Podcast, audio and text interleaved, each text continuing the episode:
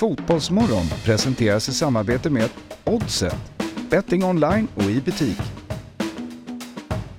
Telia, samla sporten på ett ställe och få bättre pris.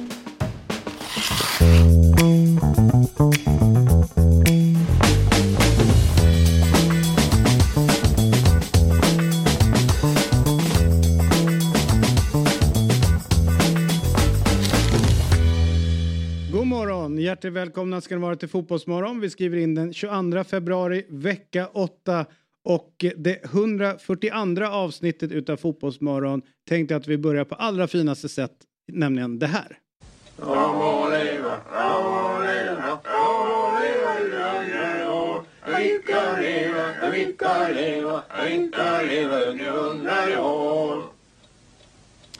Det är alltså Per som igår fyllde Ja. 34 år. Grattis! Tusen tack. Tusen Ah. tack. Vad fint. Ja. Vad fint av er. Ja. Eh, Hur känns det? det, känns, eh, det känns jättebra. Det känns väldigt bra att ha det i så liksom, eh, nära synkronisering med myggan. Också. Det är främst det som jag liksom Ja. med mig. Att Är vi, du- vi är inte ensamma. Är du lika defensiv vad gäller firandet utav födelsedagar som Myggan är? Eh, ja, eftersom att jag inte hade något eh, större firande. Eh, Men du jobbar på födelsedagen? Eh, det gör jag. Det gör jag. Gör jag inte Myggan. Nej, det är ju det är svårt att se att man inte tar sin födelsedag seriöst och sen tar ledigt. Nej. Eh, den, den, liksom, den matten går inte Hur ihop. blev du firad igår då? Nej, men jag blev, det, det ska firas till helgen. Mm. göra. Så att det, jag, eh, men, men det var som... eh, man, jobb, man jobbar hela dagen, man tränar lite efteråt och sen så när man väl sätter sig ner och liksom ska kolla Champions League, Ja. då kommer alla grattissamtal. Vad gulligt, vad Ja. mysigt. Jag kan berätta att eh, Myggan firade ganska ordentligt en annan persons eh, 50-årsdag i lördags. Gry Forssell. Gry Forssell fyllde 50 och där tog han det eh, åt andra hållet. Ja. Mm.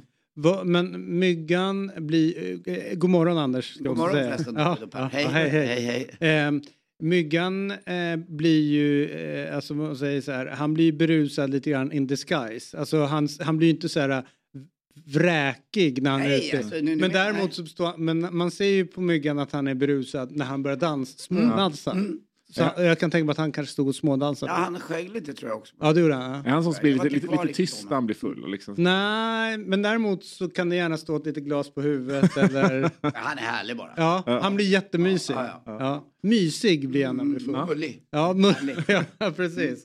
Eh, det blir härligt. Du, eh, eh, fick ni äta några semlor igår?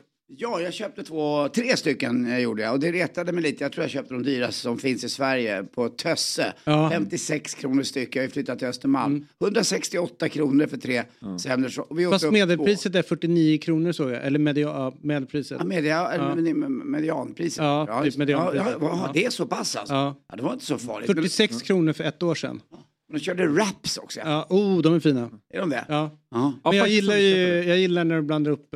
Alltså det är ju eh, när det blir för tung mandelmassa som jag vet att bröd och salt kör. Eh, ett, som, när det nästan är delar utav eh, mandlar Ja, ja. kvar. När du måste bita i den. Ja, då blir det nästan för mycket. Ja. Ja. Eller? Eh, ja, jag håller med. Och det är det också som säger, jag, jag, gillar, jag gillar ju rapsen, men det blir ju för mycket mandelmassa i dem. Ja, ja generellt sett. Ja. Eh, men eh, såg ni det mest bizarra? Det är ju Robin Berglund. Är det så att han inte äter, jag tittar bort det där, han äter inte semla eller? Ja, jag tänkte precis säga, känns som att han kan vara laktos. Laktosintolerant. Ja. Bara- Bara för att det inte fanns eh, gluten och laktosgrejer när vi var små David. Så, så det fanns, men folk fick ont i magen. Ja, ja. men nu finns det och nu vet man varför och därför undviker man Ja, det. Förstår du vad jag menar? Fast men du jag- fattar vad jag menar med det. Fast jag eh, kan ju komma undan med det på riktigt för jag saknar typ något enzym i, i kistan. Så att jag fixar ju inte eh, som många andra ifrån min del av världen. Ah, men ifrån. du fryser istället. jag, fri- jag äter varken, jag, kan, jag har ju problem med mejeriprodukter och Ja. fryser sin åt helvete. Så det är både, både och. Men du, du biter ihop. Nej, jag käkade ingen semla igår så Okej. att, eh, så det är inga konstigheter. Nej, nej. Men vi, vi hänger ut Robin ändå. Ja, det är klart han ska Ja, hängas ja, ut. ja, Sitta här och trycka en apelsin. Ja, det- det är han faktiskt lite oerhört- Det är faktiskt för det han käkade igår här i, i sändning. Ja. Så det måste ju verkligen ändå ut. Men du, eh, eh, vad, vad tänker ni kring då fastan som börjar nu? Jag, jag kommer ju, den hoppar jag på. Jag har inte hoppat på semmel, semmeldagen så mycket, men fastan är det jag tar vara på. Eh, nu, eh, nu, nu, nu, nu, ska man ner i liksom lite in, in i form. För jag har tänkt på en grej eh, och nu håller vi på lite grann med sport och sådär. Men eh, om man tänker folk håller på med eh, eh, ja, men de, de, de ger ju löften. Mm. Att nu ska man förändra kost och sådär.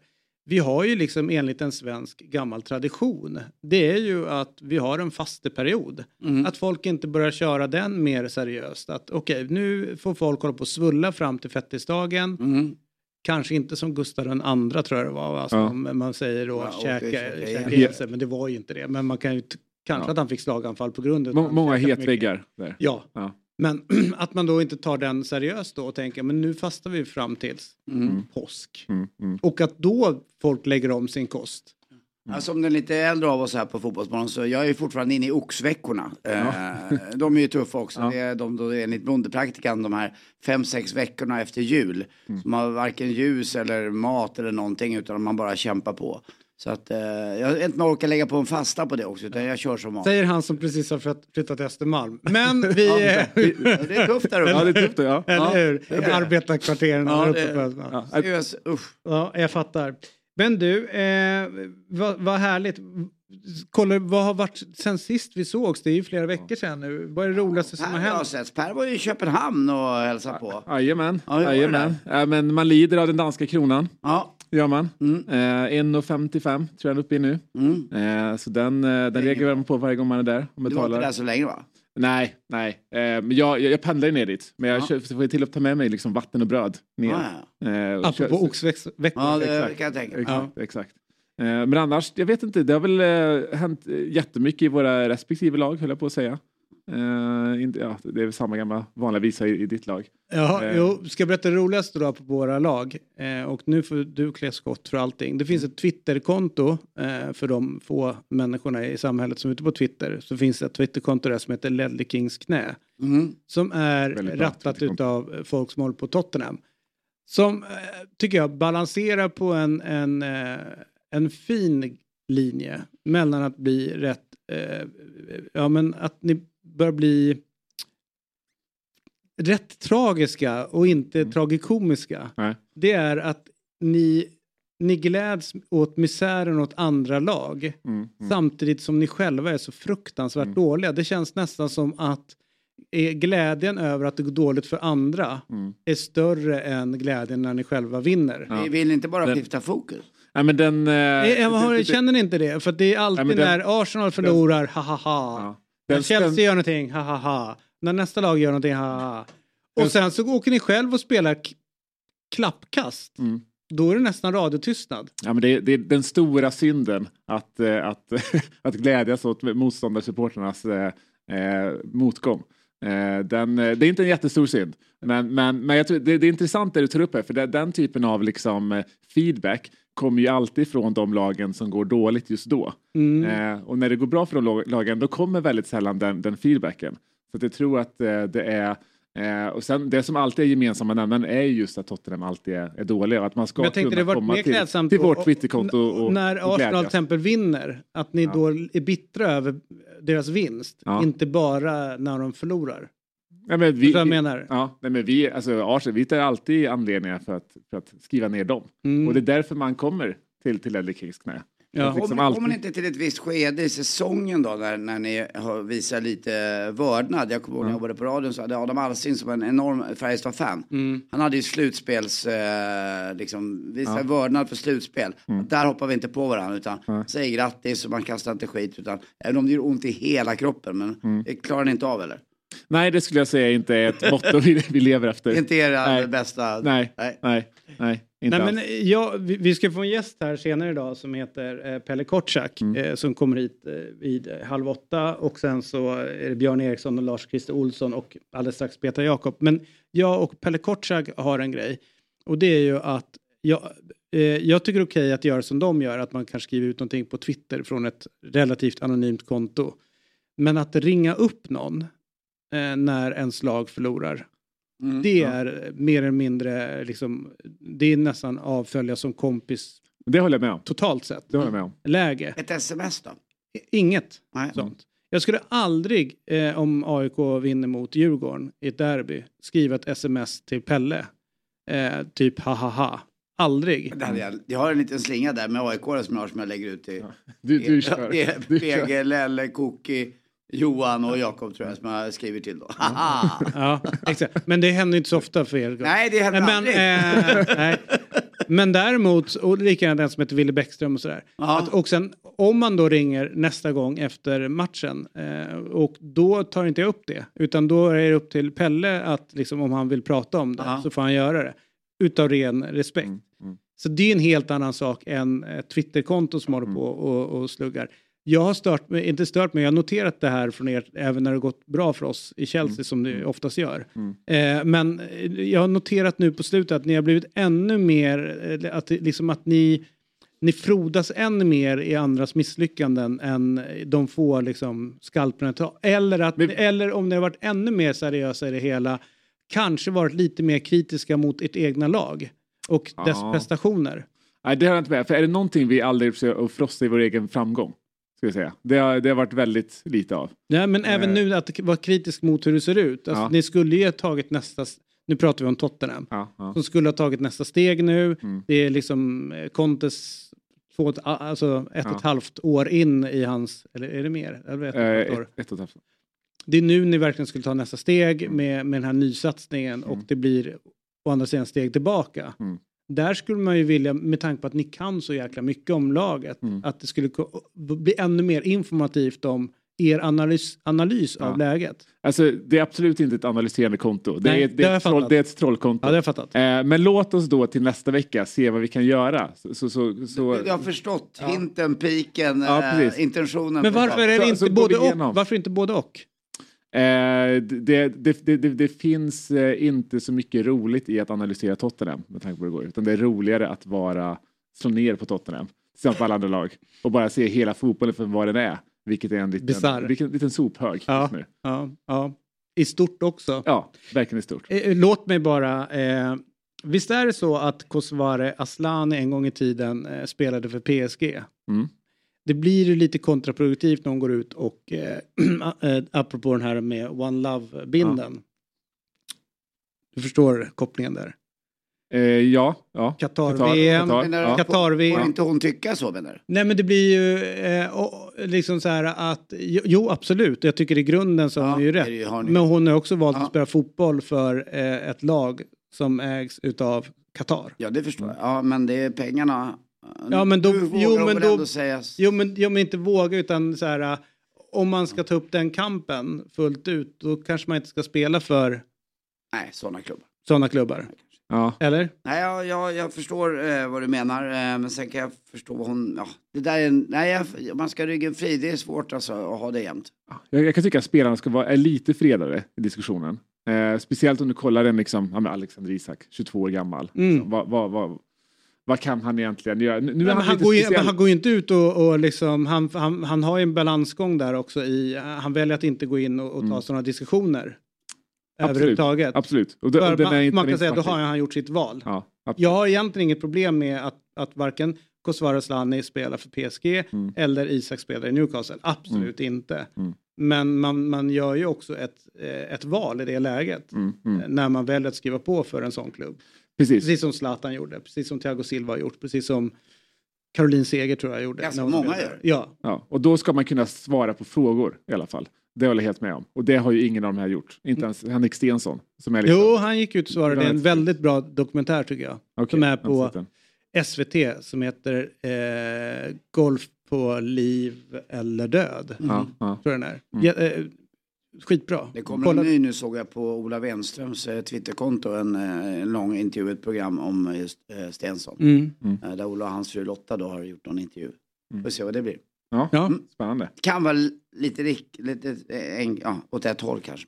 Att, att du tänker att de är inte jättekritiska mot Henrik eller? Nej, jag vet inte. Ah, Ola brukar vara rätt tuff. Har vi Ja. inte någon gäst nu? Jo, Ja. jo, men, jo Ja. där är hon ju. Ja! Ja, eh, Petra eh, Jakob säger jag. Man ska, skulle kanske kunna säga Jacob, men Jakob eh, blir ju Petra. Eh, drar. Hon bor i Södertälje. Eh, kidsen har sportlov den här veckan och eh, eh man, eh, eller så här, om man bor i Södertälje och kidsen har sportlov så tänker man så här, hmm, vad ska jag göra? Jag kan inte dra iväg till fjällen, det är mycket som händer. Jag, det är, ishockeyrinkarna är inte eh, spolade och nerkylda som det var på Anders tid och min tid. Då spolade vi själva Då tack. spolade man och, och skottade. Eh, och eh, då undrar man så här, finns det någon som kan fixa det här till mig och lösa mig och hjälpa det med mig med den här sportlovsproblematiken? Då är det så här, ja, det finns det. Petra kan göra det därför att hon rattar sport, sportlovsfotboll. Eh, 2019 startade hon Leby skol-IF i fyra grundskolor i några av Södertäljes mest oroliga områden. Det handlar om fotboll men även basket. Har inte du hållit på med basket? Ja, minibasketcup i femman, jag kan inte räkna det riktigt. Volleyboll. Men man älskade ju Glenn Berry, Vincent White och Rolle Ram, Åke Skyttevall, Ja, varför ja, ja, inte ja. Torbjörn Taxén och. Petsi Ja, Güntherberg. ja, ja, ja. Och Pommac-reklamen på Alvik. Ja. och Honda Civic-bilarna. ja, där har vi det. Förlåt Per. Hon Nej. har eh, sett till att nästan 300 barn och ungdomar kan idrotta och spela fotboll under ordnade och trygga formor, former i sin närmiljö. Och eh, nu har vi med oss eh, Petra. God morgon Petra. Eh, först och främst, eh, hur hedrar du att vi har klivit in i fastan just nu? Vad sa du, i fastan? Ja, efter fettisdagen så börjar fast, fastan. Jaha, ja, jag åt ju ingen semla så jag kan inte, eh, eh, vad heter det, gå in i det. Men det är bra att ni gör det. Tack, ja. ja. Anders behöver ju det. Du, ehm, eh, kan du berätta mer om Leby skol-IF? Vad, vad är det för någonting? Men vi är en ideell förening, eh, men vi ingår ju i Skolidrottsförbundet, så är vi skol-IF. Men eh, vi erbjuder gratis föreningsidrott eh, under organiserade och regelbundna former efter skoltid. Och det är för barn och unga. Vi har jobbat nischat i utsatta områden, för det är idrottssvaga områden. Och 90 procent av alla våra medlemmar ingår inte i ett svenskt traditionellt föreningsliv, så det vill säga de har ingen meningsfull aktiv fritid på, eh, efter skoltid. Och vi lyckas fånga upp dem.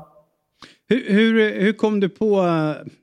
Eh, eller så här, du såg eh, att det här... Eh, du såg problematiken och, i områdena. Men vad fick dig att dra igång den här rörelsen och verksamheten? Eh, nej men, eh, när jag bestämde mig för att liksom skapa skillnader, det är för att jag brinner för barn och ungas välmående. Psykisk ohälsa ligger, ligger mig varmt om hjärtat. Men jag har ju idrottat på elitnivå. Jag är uppfostrad via en basketförening. Jag har spelat i Norrköping Dolphins. Eh, Jag har spelat på college-nivå. Eh, Men eh, när jag började reflektera över och se att eh, eh, vad som händer i våra samhällen. När du bara går ut och ser så är det så många barn och unga som inte har en plattform att eh, falla tillbaka på efter fritiden. Eh, och eh, när man ser så är det ju nästan ingen som ingår i en eh, traditionell förening efter skoltid. Och då börjar jag se hur ska vi göra idrottsrörelsen mer tillgänglig? Och känner du Eh, att det här är, vi behöver här, aktiva vuxna, bra förebilder och idrotten och speciellt fotbollen är ett så starkt verktyg. Eh, och eh, då bestämde jag mig, vi, vi gör det genom idrotten och eh, mycket fotboll. Eh, så då började jag starta organiserade och regelbundna träningar eh, i ett område och sen på tre år har vi vuxit till fyra områden och inkluderar närmare 300 barn och har 55 ungdomsledare som leder de här yngre barnen. och det gör de eh, helt ideellt då eller? Eh, när våra ungdomsledare får ett ledararvode, idrottsarvode, eh, det är inte det mellan 80 till 100 kronor per, per liksom ledartimme. Mm. Så ja, men det, jag är mycket ideellt också, men ja. Känner du att du kan sprida det här runt om i Sverige, att det börjar hos dig? Hos dig? Har, har du kontakt med andra? Ja, absolut. Nu när eh, det har varit lite rikstäckande media så har ju fler kontaktat oss för att det är där när vi har byggt upp den här modellen. Vi är ju ett skol-IF också, men den här modellen som vi arbetar med i Södertälje, den är skalbar. Det har varit jätteviktigt för oss att kunna bara köra copy-paste. Det är därför vi finns i fyra områden i Södertälje och jag ser inte varför inte det kan växa till andra eh, kommuner och städer. Eh, Det är ett fungerande koncept som funkar i praktiken. Du, eh, näst, eh, nästa vecka så drar ju sportlovet igång här i Stockholmsområdet. Som jag eh, lite kaxigt brukar säga, det riktiga sportlovet.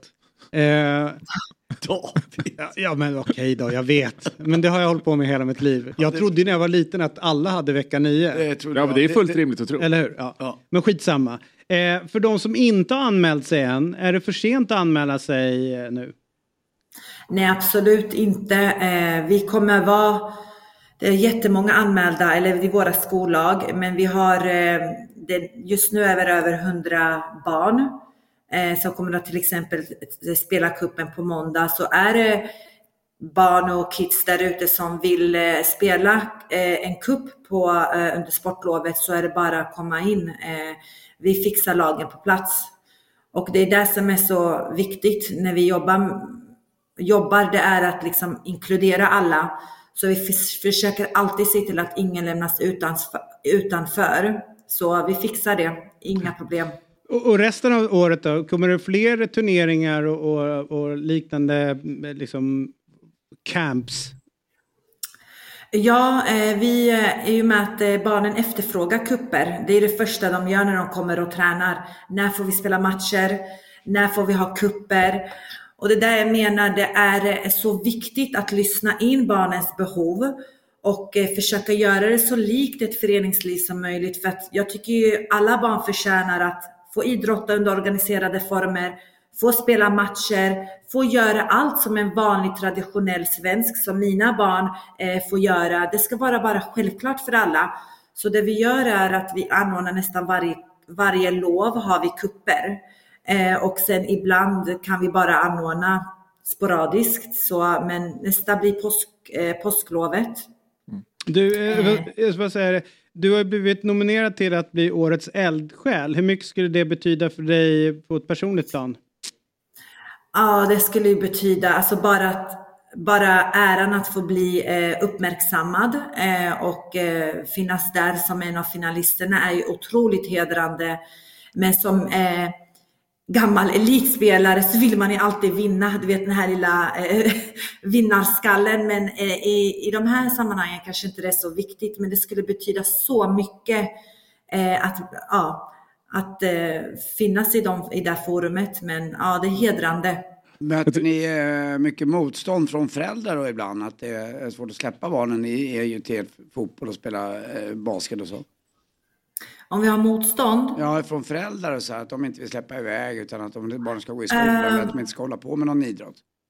Eh, nej, vi har inte haft motstånd alls, eh, skulle jag vilja säga. De är jätte, jätteglada att vi finns och, och gör det här. Eh, men jag skulle snarare vilja säga att det finns okunskap eh, hos eh, föräldrar om vad ett svenskt föreningsliv innebär, vad det betyder, hur viktigt det är att ha en meningsfull och aktiv fritid. Exempelvis när det börjar bli mörkt ute.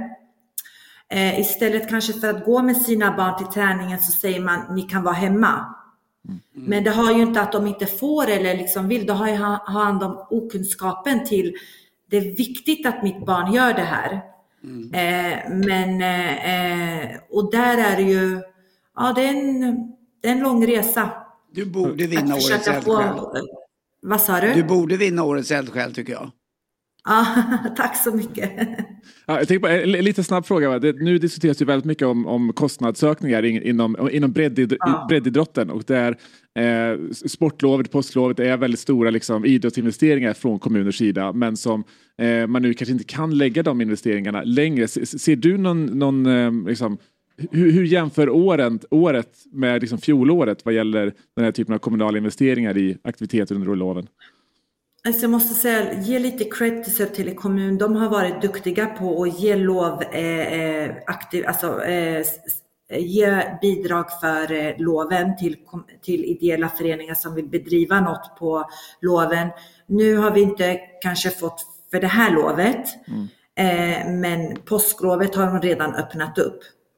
Men eh, ja, men det är ju viktigt att, eh, att, att, att ge extra pengar så att man kan bedriva de här extra insatserna på lovet så att ingen lämnas utanför för de som inte reser och ja, åker skidor exempelvis. Nej, jag fattar.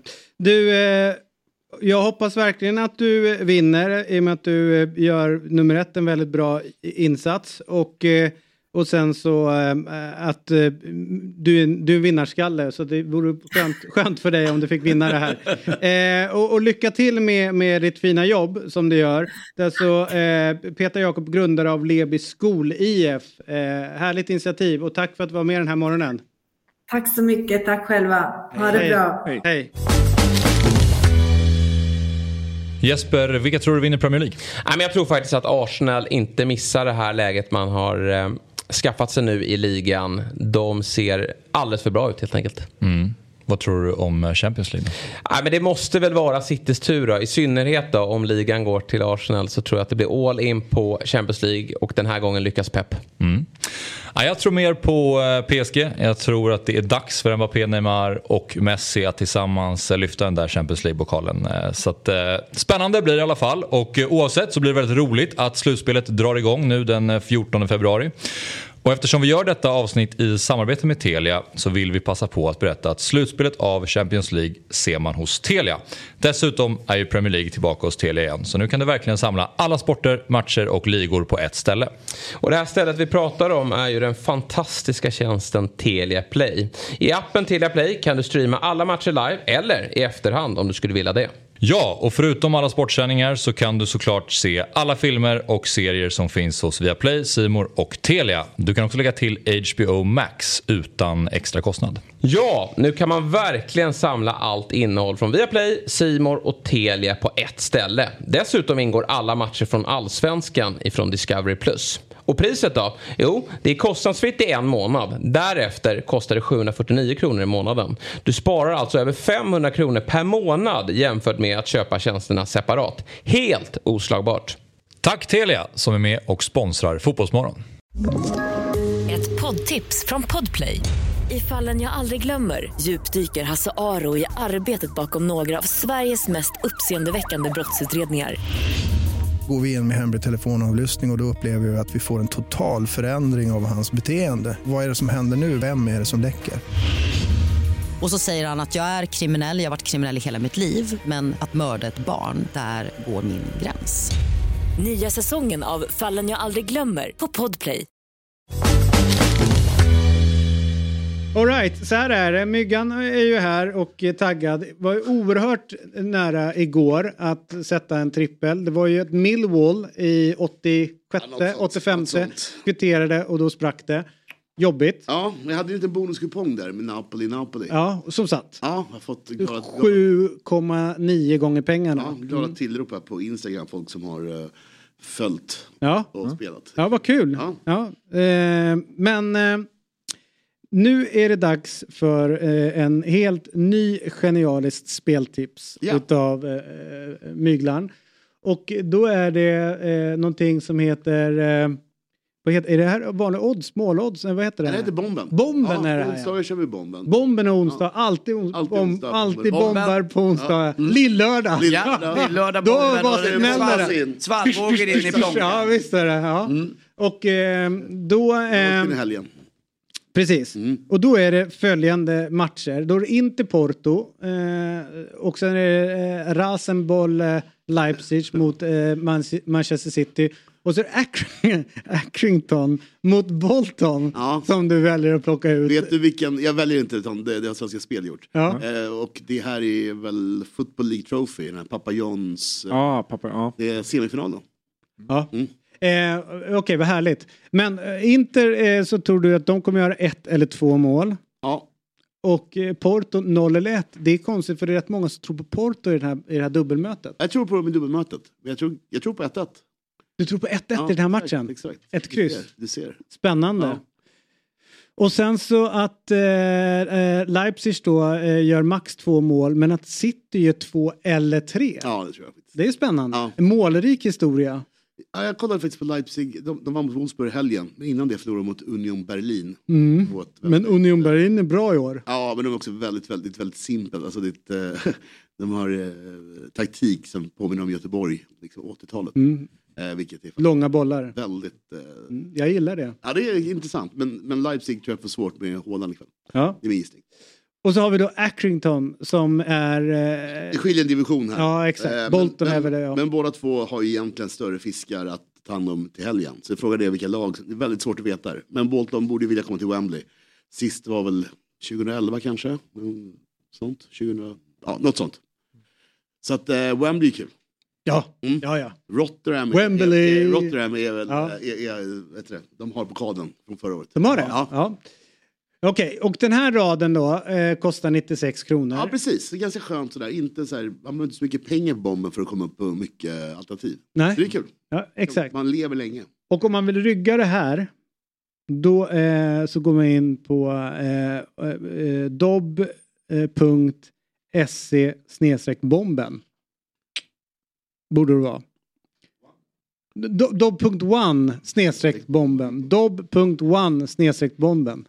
Eh, så kommer man direkt där. Ja, så ryggar man det här. Och sen kan man käka en fin lunch imorgon på ICA Roslagstull. Ja, kan, Viltskaven är att rekommendera. det kan bli lunch för resten av... eh, En vecka. Ja, men precis, för vi hoppas på, på liksom lite upset. Eller en halv pizza på Brillo. Ja. Dock inte löjrom. Nej, nej, nej, nej, nej, nej, nej, nej. Nej, inte löjrom. Ja, den är lite Säljer för... du löjrommen till... Nej, men jag ska, ska göra. Jag, är- jag har jävligt fin, fint pris och bra löjrom direkt från Kalix. Om du är sugen. Ja. Finns så mycket som Jag, helst. jag är parmesanansvarig. och- Ja, och jag är löjrom. löjrom. Det är bra grejer. Du sköter botten Per. Ja, ja, det är det jag kan bäst. All right. Så här, eh, och det här är en produkt från Svenska Spel, Sport och Casino AB. Åldersgränsen är 18 år och om man har problem med spelandet så finns stödlinjen.se. Eh, där har vi det. Tillbaka till Champions League. Jag, jag tycker ändå vi måste ta ett steg tillbaka till gårdagen, Myggan. Jag trodde jag var klara med... Nej, nej. Inte riktigt. Men bara, bara kort bara. Vad, vad är dina tankar kring det som hände på Anfield? Nej, men det var inte så bra. Men det var väl... Det var ju en bra första halvlek. Ja. Eh, sådär. Och det var ju konstigt för, för känslan var ju efter första att det så 2-2 är märkligt med tanke på hur bra ni faktiskt spelade. Men sen hände något. Ja. Nej men det var inte bra. Men, men det var liksom... Vi skulle haft det där 3-0, var det 3-1 eller 3-0? Chansen där. Det hade, det hade varit grejen så i efterhand. Men det är löjligt också, har man 2-0 ska man klara av att hålla det. Det är inget konstigt alls. Ja, var inte det lite konstigt? Att man liksom vid 2-0 mot Real Madrid, eh, du, du kör på som vanligt. Alltså du gör ingen korrigering där. Ja, nej men jag antar det. Men finns det någon, men, alltså, om man leder med 2-0 också, va, då, det fanns ingenting där som låg i papperna att det ska bli 2-5.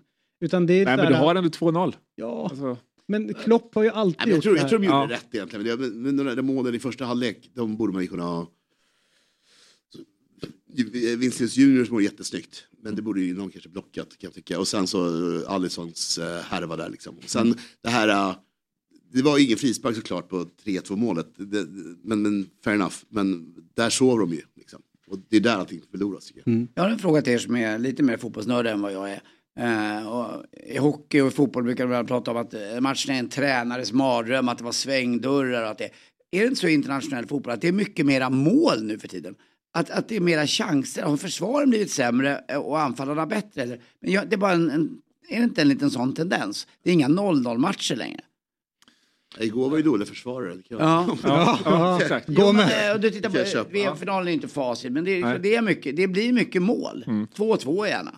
Jag tror, alltså, det, det som konverterar mer nu är ju liksom fasta situationer också. Där, man, där man klämmer ut några extra mål. Eh, och det, det såg vi ju ab, absolut igår. Där man lägger en helt annan, eh, helt annan vikt liksom, under veckan på. Så att det kanske kan vara en, en förklaring. Eh, eller så är det väl så, alltså, som vi var inne på förut, att säga, nu ska målvakter ta lite mer risker. Ja, det kommer leda till, till, till bra, är lite bättre anfallsspel men också ganska mycket sämre försvar. Eh, eh, så att det, det är väl... Det är, väl eh, Det är lite här och där liksom som det är. De Ja. situationer målvakterna. det, kan vara en, det kan vara en bra spaning Ja. framåt. Mm. Och du, eh, var det någon av er som satt och kollade på eh, Eintracht Frankfurt någonting igår? Nej, jag hade ju både födelsedagsfirande och eh, Liverpool på, Mm. på tv. Som du Så det satt blir- och mös Hans det. hår är ju eh, fantastiskt. Eh, masken. Osimhen. Ja. Ja. Mm. Men att han kunde springa så dumt offside, vid sitt, han, det vart ju underkänt och 2-0 målet. Mm. Eh, men det, det, man tror att en sån erfaren spelare ska inte ligga två meter framför den. Nej. Jag, eh, eh, det var väldigt länge sedan, eh, kommer jag ihåg, en, eh, någon expert som sa, jag kommer inte ihåg vem det var, när en spelare eh, var offside ganska mycket. Och sa egentligen borde man få gult kort för det där. Mm. alltså det, det är så dåligt så att det, det borde rendera Ja. ett gult kort. eh, det där, ja. Ja. Jag tittade på statistiken i halvlek lite grann och då eh, på alla plan så var de ju oerhört överlägsna. Napoli. Jag tror att det var 28, s- vad det blir, jag vet inte, 60, ja vad det var. eh, I bollinnehav bara i första halvlek. Så att Napoli är ju bra i år. Ja. Ska bara säga det, i Eintracht Frankfurt så finns det en fantastisk spelare. Inte så fantastisk på, på, på kanske att spela fotboll utan hans smeknamn, Ja. eller artistnamn. Tuta. Tutan. Tuta. Tuta. Tuta. Ja, Tuta. Ja. Det är fint. Det är bara tuta och kör. Ja. Ja. eller hur? Ja, så tutar mycket Och krök där. högerback. Ja. Ja, up and down. Ja. Tuta och kör bara. Ja. Ja, det var speciellt. De missar ju straff igen. Mm. Det är fjärde i det. Champions League. Det, är- det är inte bra. Det är enormt. Det är inte bra. Det är enormt Ja. man skulle säga. Men det är också större med, med statistik för att Liverpool ledde ju XG fram till 78 minuten. Och när jag då sitter och tittar på det och tittar Mm. på 4-2, blir man ju det, det, man kokar inombords. Ja. Mm. Har 1,9 mot 0,7 XG. Ja. Fast den siffror. XG då expected goals Det är en då som snutte är... filt när man ligger under. Ja men det är klart att det, ja, det, den är ju härlig men... Söka upp den. Ja, förlust. Ja. Ja. Så, Det skulle inte varit så här illa. Nej, Nej. Ja. Men för den är ju så eh, helt galen. Då kan man tänka så här att ja, någon sa så här, det är helt otroligt, de har gjort fyra mål på sju avslut. Så, här, men kolla vart de släpps, alltså hur man släpper till de här avsluten. Så är det inte så konstigt att man gör fyra mål. När man behöver det så finns det där. som Ja, en absolut. Mysig Ja, polare i mörkret. En tröst. Ja. Och jag tror också att eh, Klopp kommer an- använda den. Att ni var inte så dåliga, titta på det här. Det känns som han var rätt uppgiven. Alltså. Han var- Ja, men han är uppgiven så Nej, till den milda grad att han faktiskt gick runt och skrattade på sidlinjen. Jo, men det hade vi också gjort.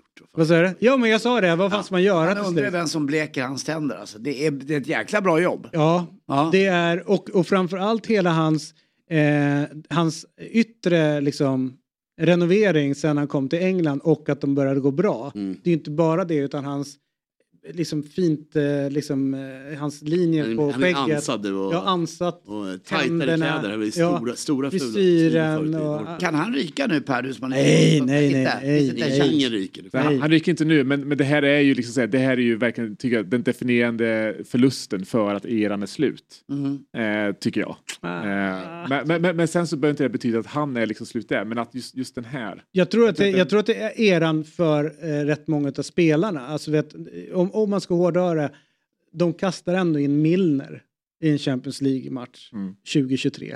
Eh, det, eh, Fabinho, eh, Henderson, Henderson, alltså han ska få en jättefin avtackning, men han ska inte vara en startspelare om de ska ha, liksom, verkligen ligga där uppe. Han måste, de måste bygga om laget och då är frågan så här, är det Klopp som äger det här problemet?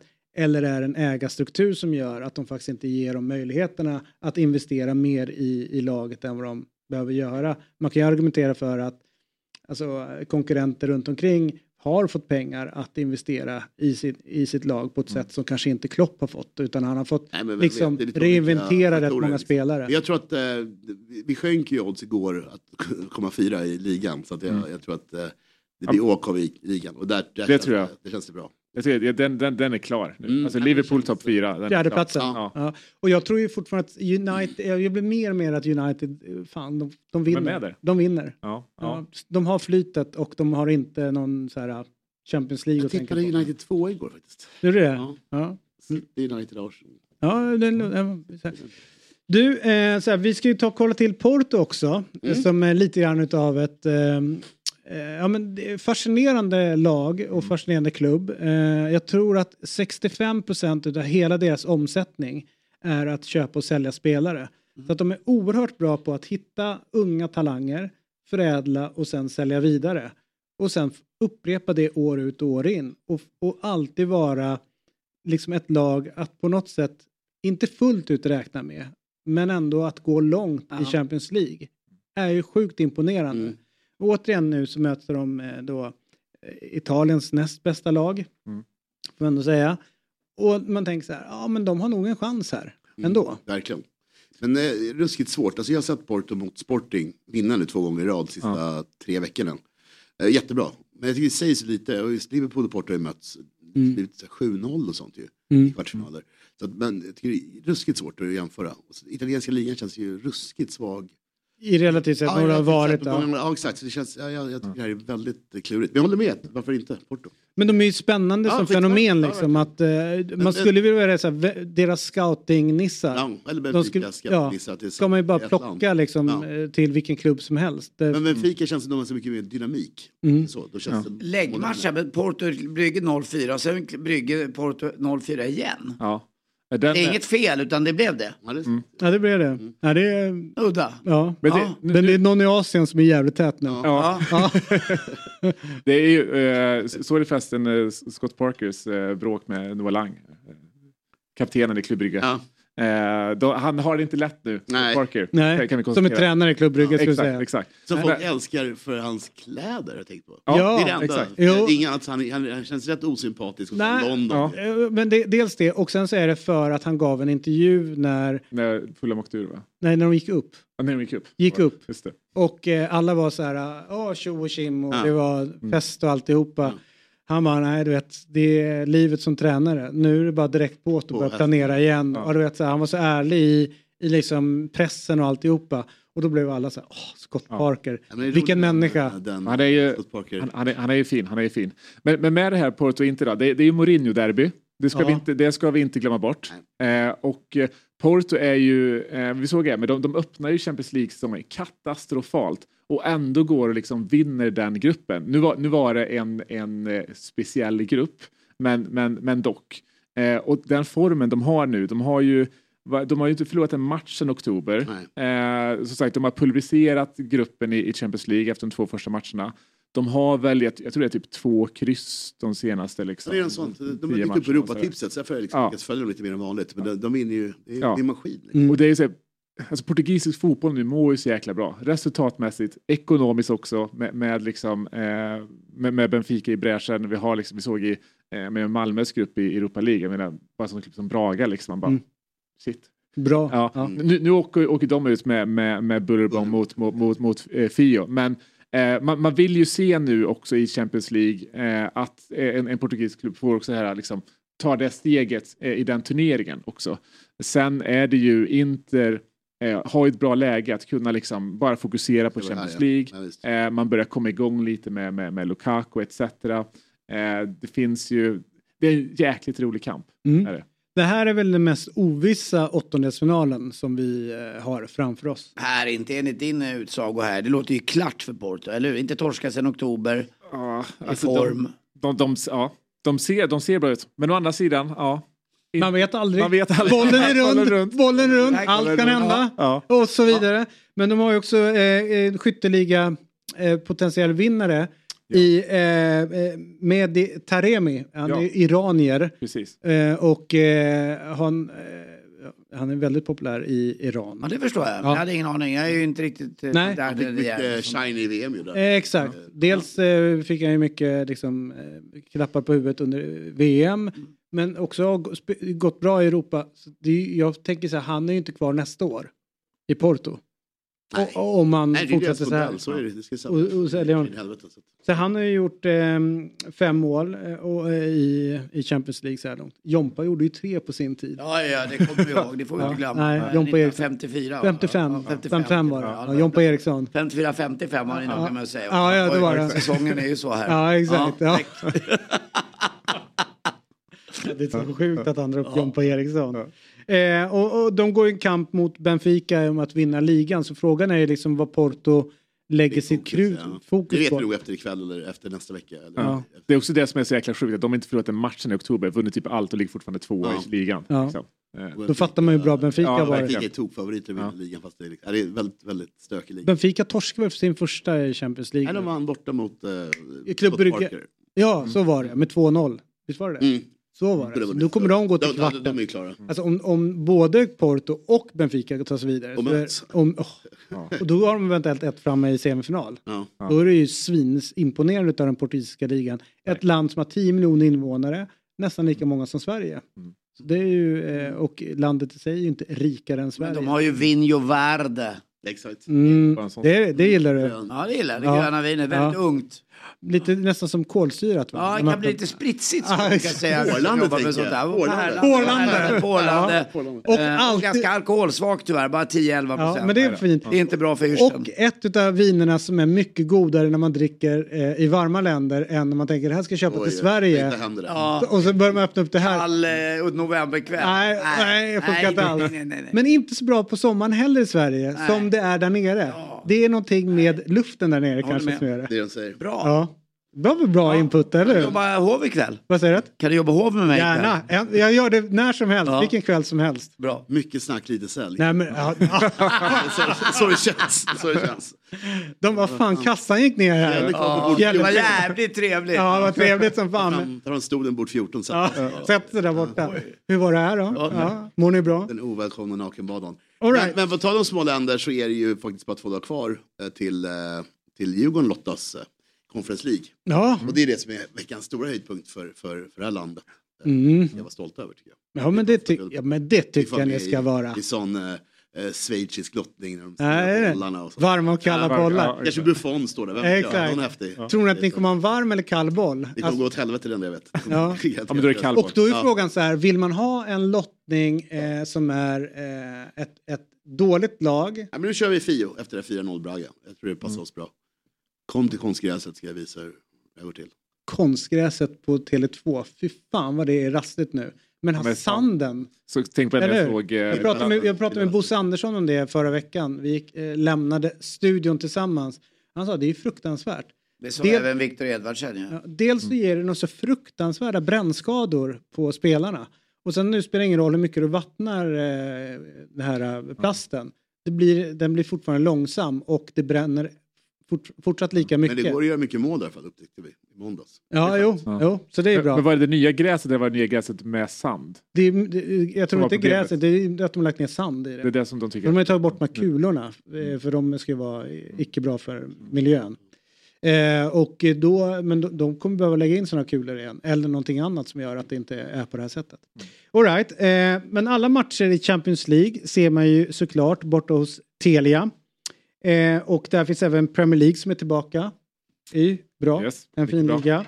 Eh, och eh, då har man samlat allt innehåll från Viaplay, Simor, självklart från Telia själva som har sina Mm. grejer på Telia.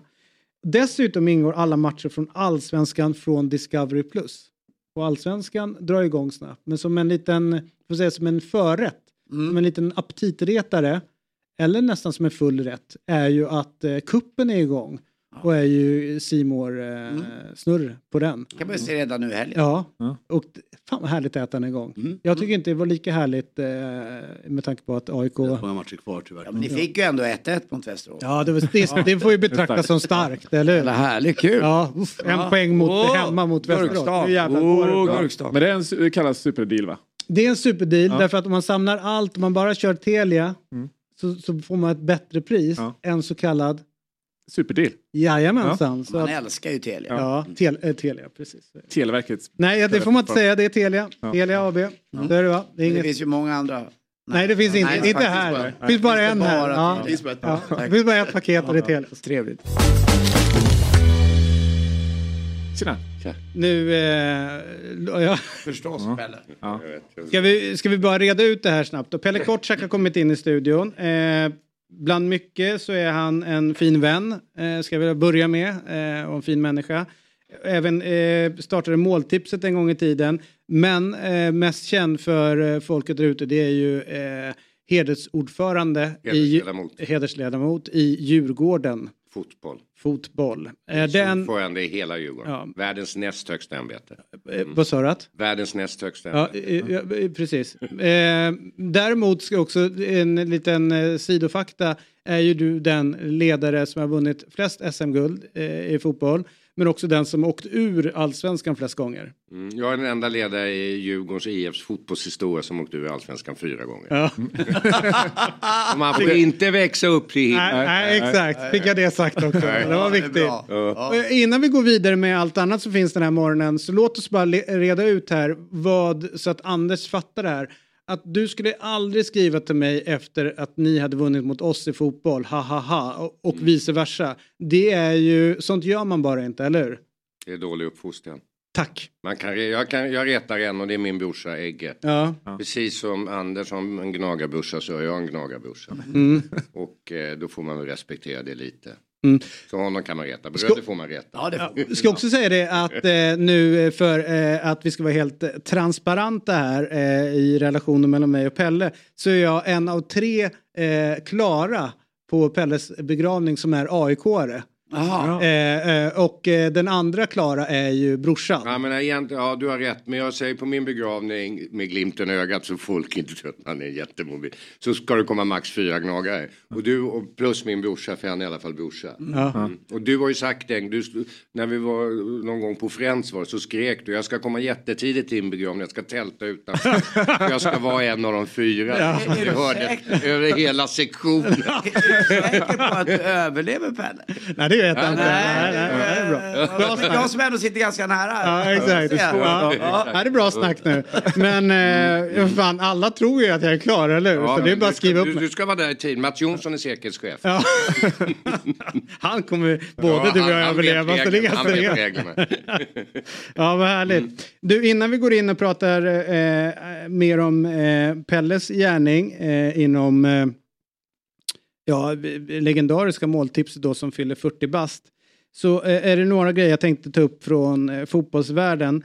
Eh, det ena, en grej som stör mig lite grann, det är ju att Ken Sema eh, avgör en fotbollsmatch på ett väldigt fint sätt. Verkligen. Andra målet vet du fan om han ska få ändå. Liksom. Det Eh, betraktar jag nej. som ett självmål. Ja, enligt regeln är det ändå Ja, mål. jo, han skjuter ju på en Ja. kille som styr in. Men skitsamma, Ja. han, gör, han är där och gör det. Eh, och efteråt eh, blir ju han då eh, utsedd då till matchens profil. Eh, och eh, blir utkallad till att göra en intervju. Och Ken Sema vet vi har gjort jättemånga intervjuer. Eh, både i allsvenskan och i samband med landslag och sådana saker. Eh, och eh, efter den här intervjun så blir det då att åh vad starkt gjort av honom som går ut och ger den här intervjun trots att han stammar. Jag såg den här intervjun Mm. och så mycket stammade han inte. Det var väl inget konstigt. Nej men det är inget nytt heller. Och, det är det, och då blir det så här, alla dessa hyllningar efteråt. För att så här, alla känner till det. Att det blev reducerat ner till att det blev ett snack om hans stamning snarare än någonting annat. Och jag tror att han, ja, jag vet inte, det är någonting, det är någonting som skaver i det Det är här. jättekonstigt år 2023. Om det är så Ken Sema eller inte. Man, stamning, inte stamning gör väl inte så jäkla mycket.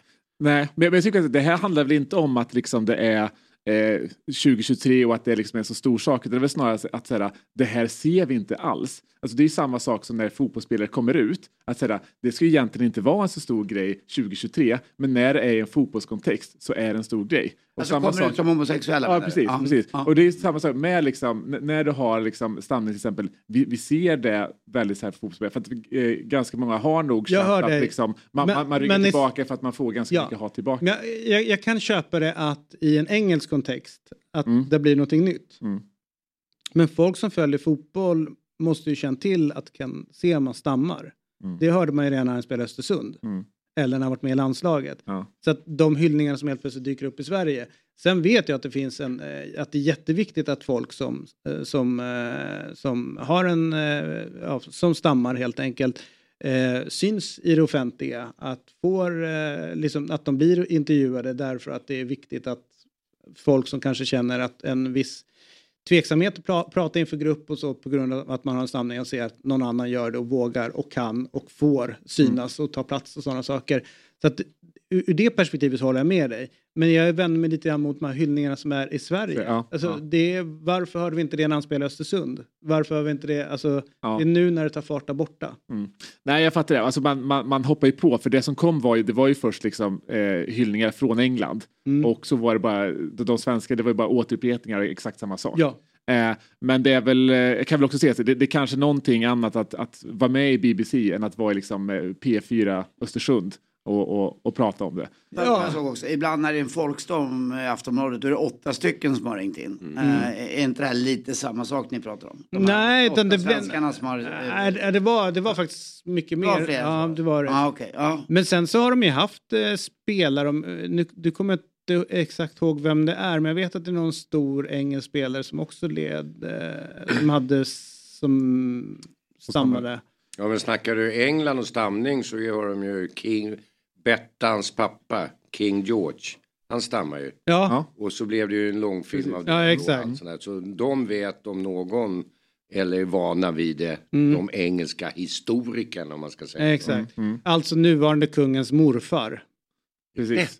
Ja. Ja, vet mycket. Han är gamla... Royalisten. Ja. Nej, det tror jag inte ett dugg. Jo då, fan. Är det det? Ja, ja, jag är den enda i studion som man brukar det. säga, bevara monarkin, Victoria är formalin. Det var en gammal uh, upp, uh, 70-talet. Ja, okej. Det, ja, det var gammalt. Det var till och med Pelle tycker den var gammal. Ja, exakt. Det var roligt va? Ja, bra, han klev in där. Ja. Kolla Djurgården, sitter där borta var och myser. Får jag fråga en sak? Måltipset. Mm. Var det då man skulle få åtta rätt? Mm. Vet du vad? Jag måste bara, det här är bisarrt. Jag läste, jag läste på lite igår om Mm. Bra. med Pelle. Jag visste inte att det var du. Men år 1988, om det var 89, så vann jag 88 000 på hux flux på måltipset. På den tiden ganska mycket Ja, det var pengar. jättemycket. Så jag drog till Rio med min dåvarande, alltså Kims mamma Therese. Ja. Eh, och hade en fantastisk... Var då Kim kom till? Eh, nej, det var senare. Ja. Eh, han föddes 93. Okej. Men det var hux flux. Nej men hux flux, att vi hade ju en grej som, som jag också hittade på, som ja. ödmjukt, som hette lördagsgodis. Just. Då var det fem, Hela då köpte alltet. man, ja, och det kanske var en sån påse Ja, det du kanske var det va? Det var länge Ni måste alla prata in i mickarna Ja, ja. bara. Ja, jäkla, okej, ja. jäkla roligt alltså. Ja, den tiden var ju- de, de där pengarna de försvann ju på tre veckor. Ja. Typ på den Ja, resan. Men, men det, var, kul. ju... Ja, det var roligt. Tack snälla Pelle. Ja, varsågod. Stor starköl i bonus till mig. Ja. Ja men det har jag Ja, fått några ja. gånger. Ja, det har jag du- faktiskt. Du får ta Bosses. Ja, ja precis. Men ska vi ta det snabbt och så kan vi komma in på den, eller så här, vill ni prata, var det någon av er som såg Liverpool mot eh, Real Madrid? igår? Ja. Gjorde du det? Det var en galen match. Ja, Jag men det var ju så dåliga målvaktsingripanden eh, ingripanden som man inte vad man ska säga. Jag har, jag har pratat om det här så jävla länge. En målvakt ska vara bra på att rädda bollar. Det är han eller hennes uppgift. Mm. Att vara någon form av utespelare. Det är inte därför de hamnade i kassen. De Nej. var för dåliga på det. Gå, Och, och nu är det en massa tränare som säger så här. Skicka inte iväg bollen, håll den inom laget. Och så blir det sådana här skitmål. Mm, Det är, det, är alltså, det kostar för mycket den här skiten. ja, nej, men det var Om de inte är 100% säkra så skickar den där jävla bollen till rad Z. Det är bara bort med den. Eller hur? Ja. Nu är det två stycken jobbiga mål igår. Det, det var ju verkligen, eh, alltså, Gordon var verkligen symptomatisk för den moderna målvakten. Ja. Liksom. Eh, och det var ju, trots de två tavlorna så var det ju inte det som var det sämsta med försvaret igår. Nej, Eh, det var mycket annat som var det. Ja, Ja. Eh, men det var ju, alltså det är väldigt eh, intressant. Nu Det pratar du Liverpools försvar. Nu, nu pratar Ja. vi Liverpools försvar. Att eh, eh, det här var ju då de två lagen som möttes i Champions League-final för ganska nyligen. Mm. Och det är det som gör att det här är inte Liverpools kanske största fiasko den här säsongen. Men det är den mest definierande förlusten. Mm. För, Jürgen Klopp gick ju bara och skrattade. Ja, men vad ska man På- göra till slut? Jag har aldrig sett Ja, nej, men, tränare nej, men, så. Men det, det var en uppgivenhet eh, som, som måste... Alltså, och sen när det var... De ledde ju med 2-0. Ja, de ledde med 2-0 och eh, allting såg ut... Eller eh, det var, de ledde ju med 1-0. Sen så 2-0 målet blev de ju bjudna på utav en målvakts... Får man säga en tavla. Det, det sjuka är då att... Nu ska jag berätta för dig Pelle. Målvakten i, i Real Madrid, Real Madrid, Courtois. Tar, tar emot bollen han, och han är extremt enfotad. Eh, och ska då försöka få den här bollen till sin vänsterfot. Men får den på knät. Oj, oj. Och den hamnar till Mohamed Salah. Det är bara, alltså det är bara klantigt. Vet vad han gör efteråt? Nej, nej. Han går och tittar ner på backen och försöker få oss att tro att det är ett dåligt underlag som gör att bollen har studsat upp på hans knä. Alltså det är inte det. Det är som en jävla golfgreen hela Anfield. Han måste göra någonting. Ja, men, nej, kan man, nej, där hade han bara så här. Det var mitt misstag. Mm. Alltså Ja, mm, Alisson, han är så här. Exakt. Men- Och det, alltså, de här ska jag säga, misstagen blev också ganska talande sen för hur de här två lagen reagerar på respektive målvakts, målvaktsmisstag Mm. är ju diametralt motsatta. Ja, de, tryggar inte alls det för målvakten, eller hur? Nej, och, men så tänker jag så här, när, när, när, när Courtois gör det, det, det, det är då Liverpool, eller vad säger Real Madrid tänder till. Ja. Då känner man ju direkt, sen så kommer 2-1 därefter, man känner den här matchen är körd för Liverpool. När, när, när sen, eh, när Alisson gör sitt misstag, det, det är då, då känner man sig, ja men där gick luften ur Liverpool. Ja. Så de reagerar ju helt olika och det säger ju väldigt mycket åt de två lagen. Ja, och det ser också rätt mycket av hur cool Carlos Ancelotti är. Vid 0-2-läget. Han är hur cool lugn som helst. Han står där. Det är hans backe på linjen. lite grann, Ja. vet Ja. så här, det är lugnt. Ja, det här är exakt. lugnt. Ja. Det är inga konstigheter. Nej, 5-2 seger senare. Han, Ja. Samma ansiktsuttryck vid 5-2 Ja. som vid 0-2. Samma är tuggummi. Men Vinicius Junior, eh, är han topp tre i världen? Ja, det är han. Eh, det här har varit en säsong som har definierat världsspelare efter liksom Messi och Ronaldo. Mbappé etablerar sig som den absolut bästa, kommer vara så länge. Och nu är Vinicius Junior eh, nummer, ja men han är topp tre, absolut. absolut. Kanske nummer två. Ja, Hans faktiskt. tempoökningar är ju, Ja, alltså det det är är ju en helt annan grej. Det är som att trycka på en knapp. Ja. Ja. Ja, det är, han är faktiskt helt enorm. Och Men lite tycker jag, eh, ramlar, gör illa sig, det, och mycket gester, det, det gillar jag inte, men det ingår väl kanske i dem. Men jag tycker inte om den Ja. delen av hans fotboll. Nej, men nu tycker jag att han ska få göra det. För att Ja. han får ju väl liksom mycket, Han får mycket skit och mycket det. spänn- Och då, nu känner jag alltså varje gång han lägger sig och vrider sig, jag tycker jag, bra. bra, ja, ja. För med Benzema. Och Benzemans mål, Ja, ja. det Ja. andra, Ja, ja. där han bara smeker upp det med vänster Ja, ja, ja. insida. Alltså, Enormt. Det är så Ja. snyggt. Ja. Men Benzema, eh, han är fantastiskt bra också. Ja. Han är ju eh, väldigt svår att älska. På Ja, något varför sätt. det? Ja, men det finns någonting med honom som gör att Ja, men för, eller så här, jag gillar ju honom, men det händer ju rätt mycket konstiga saker runt omkring honom. Ja, ja. Typ i, under VM, Mm. skadad, helt plötsligt drar hem och sen vägrar komma tillbaka. Vi vet det tjafset som har varit. Utpressnings... Utpressningsgrejen Ja. som har varit runt honom. Så det har hänt mycket runt omkring honom. Mm. Och sen så är han ju inte så... Eh, när de, många andra är mer fåfänga Mm. så kan man väl säga att Benzema är allt annat än fåfäng. Under rätt många år sprang runt med det här bandaget, Ja. lite In- orakad inte, inte, ansikte. det, är inte bandaget fåfänga dock? Är det inte en sån grej som Jag tror att det är liksom- något shit där som gör Han att han ser måste ut ha som en det. varvsarbetare. Ja, det är det jag menar. Alltså, han ser ut som en gamla, liksom, en, en Någon relik i- från en gammal någon tid. ja, Gamla Buster... Eh, Sonja, eller hur? Ja. D- när han nästan är uppe i luften och sparkar till bollen och det är så här poff, pomf. Ja. Och så här, eh, en blixt på bollen när han sparkar till den. Jag håller med. Ska vi inte prata om Djurgården-Landskrona lite grann? Nej. Det kommer i skymundan. Ja, det tycker jag. Jag trodde det var därför jag var här. Jag är med, jag är med Per. Jag pratar, ja, du är ändå här.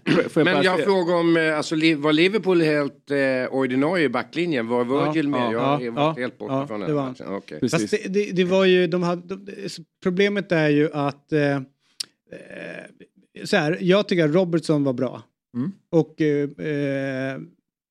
van Dijk är vad han är. Mm. Alltså, du kan få både bra och dåligt, men han redar ju upp det mesta. Men Gomes, Ja, han, det är väl en av de sämre matcher man haft sett en professionell fotbollsspelare ha. mm. Eh, alla kan ha en sån match, men det pratas väldigt mycket om att eh, Liverpool behöver förstärka mittfältet.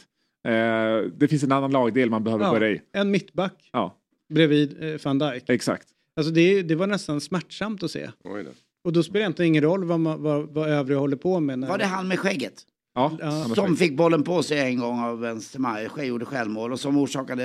Mm, fyra, jag tror att han ligger bakom, eller invol- involverad i fyra av fem Ja, jag mål. menar det. Och den här frisparken också. Ja. eh, Ja, han. Som Modric slog in. Ja, det är han. Ja, Exakt. Då var jag med ju. Bra han. Vad duktigt. Ja. Och, du, och du tänkte att han var inte bra, eller hur? Nej, jag var sådär. Ja, men nu har jag fått det konfirmerat. Ja, det är inte bra för en Per och David säger. Nej, nej. Men Real har ju också historien om jag får gå in på eh, första Europacupen. Får jag ta eh, två minuter, en minut om den? Ja, Hinner vi det? absolut. Första Europacupen var 1954, för- eller 1955.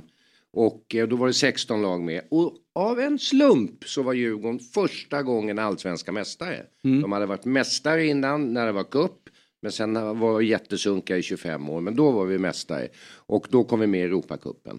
Och då hade vi ju vår kända figur Jompa. Som vi snackade om. Eriksson. Jompa Eriksson som var kultfigur. Det kan vi göra ett eget program om. Men han var han, i första, det var 16 lag som var med, Real Madrid var med och vann. Men i första omgången så gjorde han tre mål.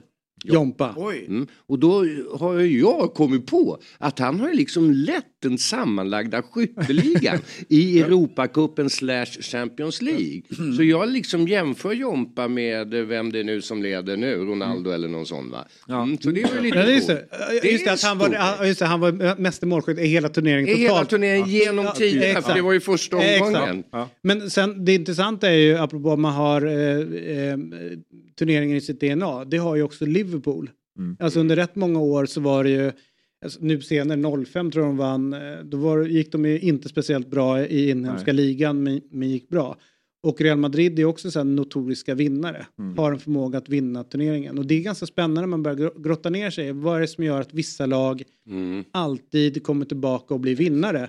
Oavsett hur långt ner i systemet Mm. de ändå sjunker så går de upp och vinner eh, vissa turneringar som andra lag aldrig vinner. Ja, Oavsett så- hur starka eh, de är. Som eh, exempel är ju när Real slog Atletico två gånger. Eh, en exakt. gång kvittera på övertid och vann straffarna. Det var ju ja, Mm. ganska tungt för Atletico. Kan Eh, exakt. Mm. Ja, verkligen.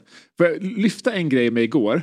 Vad, vad tycker vi om att Olof Mellberg är på plats på Anfield och är expert dagen efter en, eh, en torsk i Svenska cupen?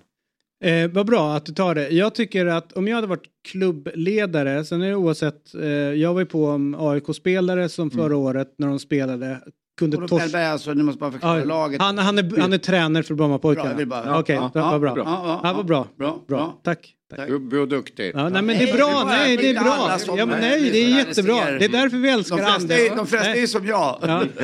Anders är jättebra på det för att han hjälper oss att förstå att inte folk alltid, alltså han är ju, han är ju vår inkluderingsminister. Mm, det är fint. Eh, här. Nej men han är eh, tränare för Brommapojkarna i Allsvenskan och de förlorade i Svenska Cupen och dagen efter så sitter han eh, på plats på Anfield och kommenterar, kommenterar Champions League. Förra året när AIK gick, får vi säga, ganska tungt i Allsvenskan så kunde det vara att eh, ja, men då sitter AIK-spelare i olika studios som expertkommentatorer. Och nu har AIKs assisterande tränare då, Henok Goitom, ett fortsatt jobb som eh, eh, ja, expert på, på Simor på söndagar och sådana saker.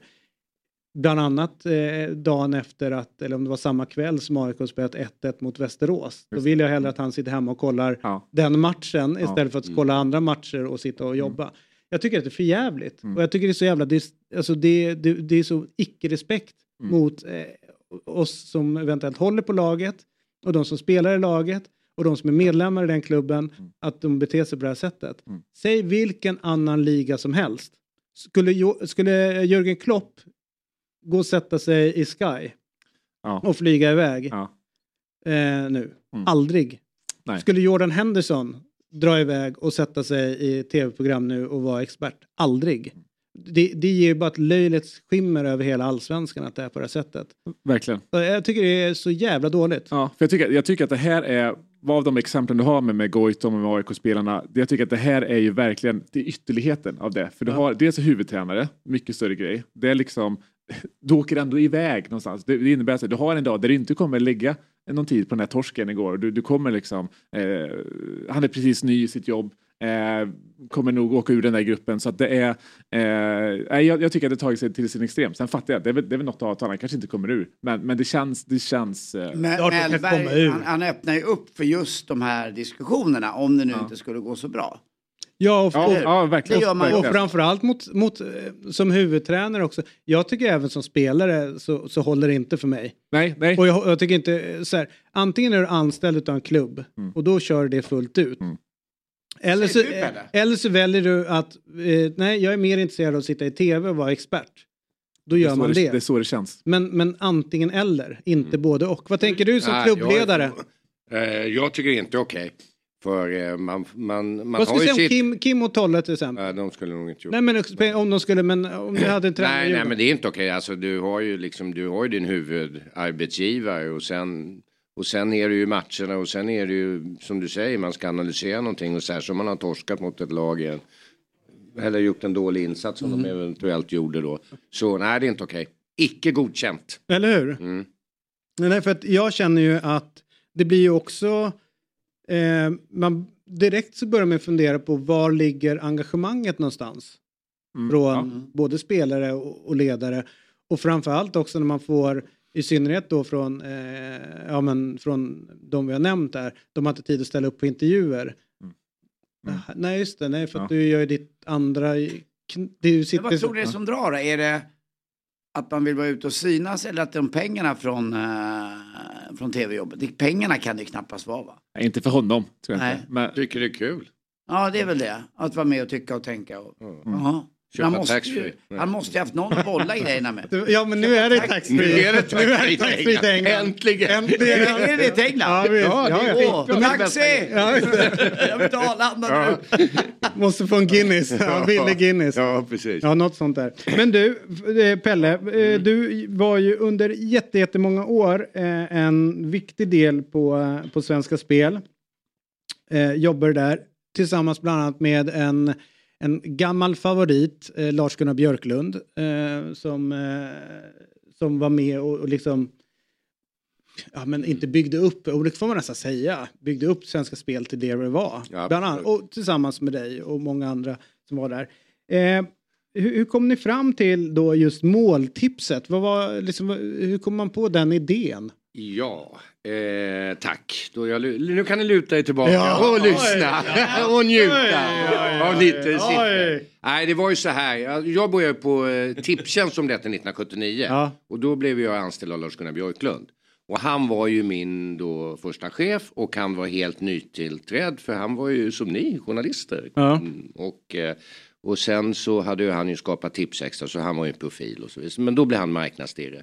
Och jag hade läst, eh, var klar på universitetet med plugget och så sökte jag det här jobbet och fick det. Och alla frågade, du sa väl att det var Djurgårdare på intervjun? Nej men det sa jag faktiskt inte för sånt känner man. Liksom vibrationerna. Men han höll ju på Tottenham också. ganska Ja, bra. exakt. Tottenham Hotspur som det heter. Ja. Och ingenting annat. Nej. Mm.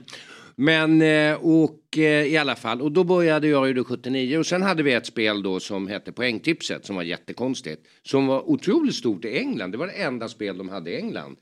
Och eh, för, förutom betting och så vidare, men enda tips ska jag säga. Eh, och där skulle man plocka ut åtta matcher så fick man poäng på de matcherna om de var oavgjorda, oavgjorda med mål och allt sånt lite halvkonstigt. Och, och det hade en miljon omsättning ungefär. Och då gick jag och funderade på, kunde man göra någonting som var bättre än poängtipset men ändå behålla den miljonen i omsättning. Det var så det var. Och då kom jag på måltipset. Vi plockade ut de åtta målrikaste matcherna och så var det ett system att det alltid var åtta. Så om det var två som var exakt lika så behövde man bara en av dem bland de åtta om ni förstår vad jag Mm. menar. Då, då hade man alltså mer borta mål var mer värda och sen var det kupongen vad den var på kupongen och så vidare. Och då kom jag på det, men då hade jag en grej kvar och då var det så här, hur gör man när en match blir uppskjuten? Hur ska själva tendenslottningen gå till? Och det gick jag faktiskt, det är ju lätt att man överdriver liksom när man ska göra en bra historia. Men det gick jag och funderade på i ett års tid. Hur fasiken ska man göra åt det? Sen kom jag på det när jag låg på en strand i Cannes och Såklart. solade. Det är klart man var där, eller hur? Och kollat på diffen, eller hur? Ja, exakt. Och då, men då i alla fall så... Eh, eh, och då kom jag på det. Och då sa jag till min kompis som låg bredvid. Jag kom på det. Det är ett historiskt ögonblick. Kom ihåg det här. Mm. Och, och så kom jag hem och sen så satte vi igång där. Och vad var grejen då? Och då var grejen, jo men det var tendenslottningarna, det, det är för komplicerat, det är knappt jag kom, men det var tendenslottning, det skulle bygga på eh, mål de, som hade varit i den serien senaste året och så bytte. Det var ganska komplicerat, men det var liksom en tendenslottning vilket var viktigt för det var tips, liksom inte bara en fri lottning. Okej. Mm. Och, eh, och så körde vi den. Och, eh, och jag var ju, var ju skitstolt för det. Och då var det ju då, då sa vi, blir det två miljoner omsättning så har vi i alla fall dubblat omsättning. Och så blev det fem miljoner. Och sedan fick ju vi igenom att det skulle vara jackpot på spelet. Och det var det enda spelet som hade jackpot. Men i och med att det blev så populärt så, eh, så var det inte ofta som det blev noll vinnare. Men fråga, Mm. fråga då. Eh, det är ju så att eh, måltipset lever ju vidare. Mm. Vad tror du liksom är hemligheten med att det har överlevt? För man ser ju liksom att det går upp och ner för spel. Ja, men det, det är faktiskt så här att, eh, men, men då hade vi bara för att avsluta just Ja. den här grejen. För, för då, då när det blev, sen blev det alltså en jättehysteri när det blev jackpot fyra, fyra veckor i rad. Och då hade vi en omsättning på 90 miljoner. Och det var i princip hela budget, in, alltså intäktsbudgeten på året. Så jag kunde bara gå och glida resten på det. Vilket du fortfarande gör. Du åker tillbaka till Cannes. Ja. Nej, men, var, men Lars Gunnar sa faktiskt, det var ganska kul för Lars, Lars Gunnar är, var en fantastisk chef och vi var jävligt tajta. Men, och han var liksom, han var ju stolt över mig för att jag hade gjort den här grejen. Så han sa, här är Pelle Kortsak, han, uppfann måltipset och han gjorde det i Cannes han ska alltid åka ner dit. För det är bara där han kommer på grejer. Typiskt en Lars Gunnar-kommentar. Men eh, det var skönt, det var liksom ingen så här Han var ju stolt över att jag hade gjort den här grejen. Och, eh, och, och min, eh, min, min stora grej, alltså min, eh, alltså Lars Gunnar sa ju också att man ska samla på moments i livet, alltså Mm. ögonblick. Alltså vi har ju olika ögonblick som vi tycker är viktiga. Ett av mina moments, det var när, vi, när jag träffade genom Dan Svanell, en Djurgårdsprofil Ja, ja, ja. som, och som du Som känner press- pressekreterare till Anna Lindh. Just det, till Mhm. Anna Lind och till eh, flera av de här stora Nu- mm, politikerna. nu han, han var pressekreterare till Per Nuder. Ja, när Per Nuder var finansminister. Och när Danne fyllde 50 år då var Per Nuder där och jag var där och då skulle han presentera mig för Per Nuder. Och då sa han, här är Pelle Kortsak och jag brukar löjla mig och säga så att jag har dragit in 7 miljarder till statskassan, Ja, ja. vilket jag hade gjort. Han har dragit in 7 miljarder till statskassan, säger han när han presenterar. Och då tar Per Nuder min hand och så säger han tack så hemskt mycket. Det var ett moment när finansministern tackade. Då jävlar. och jag ville bli Tog du fram skattebefriad. Kör du den då? ja, exakt. Fimpa i handen. men eh, i alla fall. Så, men, men, och sen, men sen har det ju gått, sen har ju konkurrensen hårdnat på, på spelfronten. Jag gillar ju såna här eh, spel, alltså klassiska som Stryktipset och Måltipset. Stryktipset går ju hyfsat bra fortfarande. Måltipset har tyvärr tappat. Och jag är lite sur ser jag med glimten i ögat på att de inte, jag jobbar ju inte längre på, på Tipstjänst kan vi ju säga att eh, Svenska Spel heter Efter same. 29 år så slutar nu är jag pensionär. Men eh, eh, det görs inte så mycket på måltipset. Men Monkan, min eh, gamla kollega på, eh, på avdelningen som är ansvarig för måltipset. Hon har lovat att nu ska det bli lite satsning på måltipset. För det är ganska kul spel. Men det är ju ett komplementspel. Folk spelar ju annorlunda nu och så vidare. Med tanke på hur vi inledde det här eh, med begravningstack kan vi döpa om måltipset till Pelles minne. Ja, det vore fint. Det vore en- en Men det måste vi göra när han har gått vidare. Ja, vi- exakt, ja. exakt. För än så länge. Sätt kryss i rätt ruta. Det sk- sa alltid Lars Gunnar. Vad ska stå på din gravsten? Det var ju såna här klassiska grejer på såna här all, när man gjorde såna här stora djupintervjuer på Mm, tidningarna i vilka såna här ruta. man hade på vad- vad- nattduksbordet. Lars Gunnar sa, vad ska stå på din gravsten? Sätt kryss i rätt ruta. Ja, det är bra. Det är bra. Ganska bra. Men, vi, eh, eh, och, ha, men eh, vad är det mesta du har vunnit? 24 miljoner verkar vara rekordet någon har dragit in på det, eller?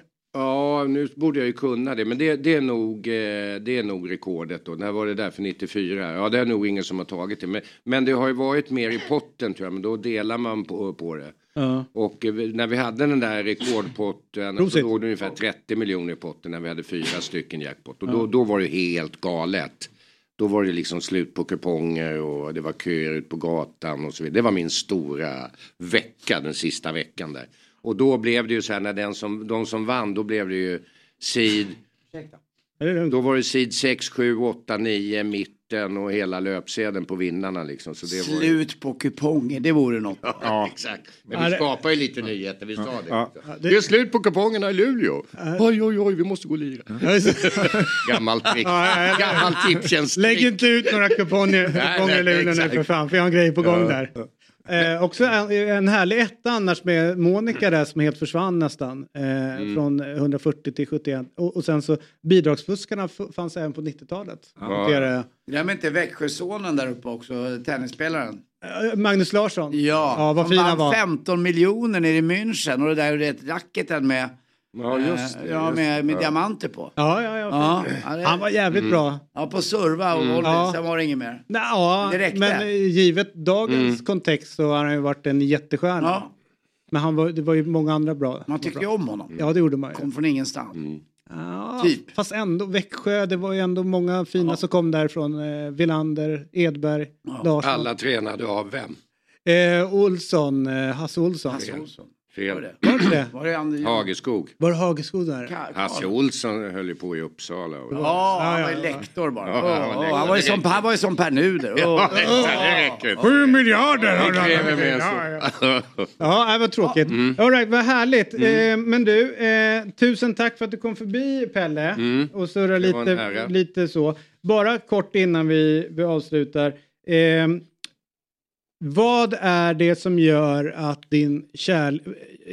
Och jag är inte raljant på någonting. Mm. Men det är få människor jag springer på som är så oerhört eh, kära i sin förening på det sätt som du är. Vad är det som gör att du inte på något sätt känner att du får nog? Alltså, eh, förstå mig rätt Ja. nu. Det är inte bara för att det är Djurgården eh, och jag håller på AIK. Utan, men du är ju allt, alltså den här ambassadören som du ändå är för klubben och den fanan som du bär. Alltså det är en icke sinande energi. Var kommer det ifrån? Har det alltid varit så?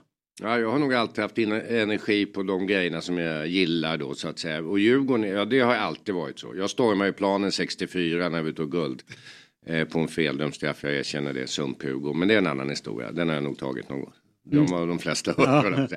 Men alltså när jag kom in, alltså jag hade ju, jag är ju uppväxt, Anders och jag är, har ju samma liv ungefär. Vi är uppväxta på Östermalm.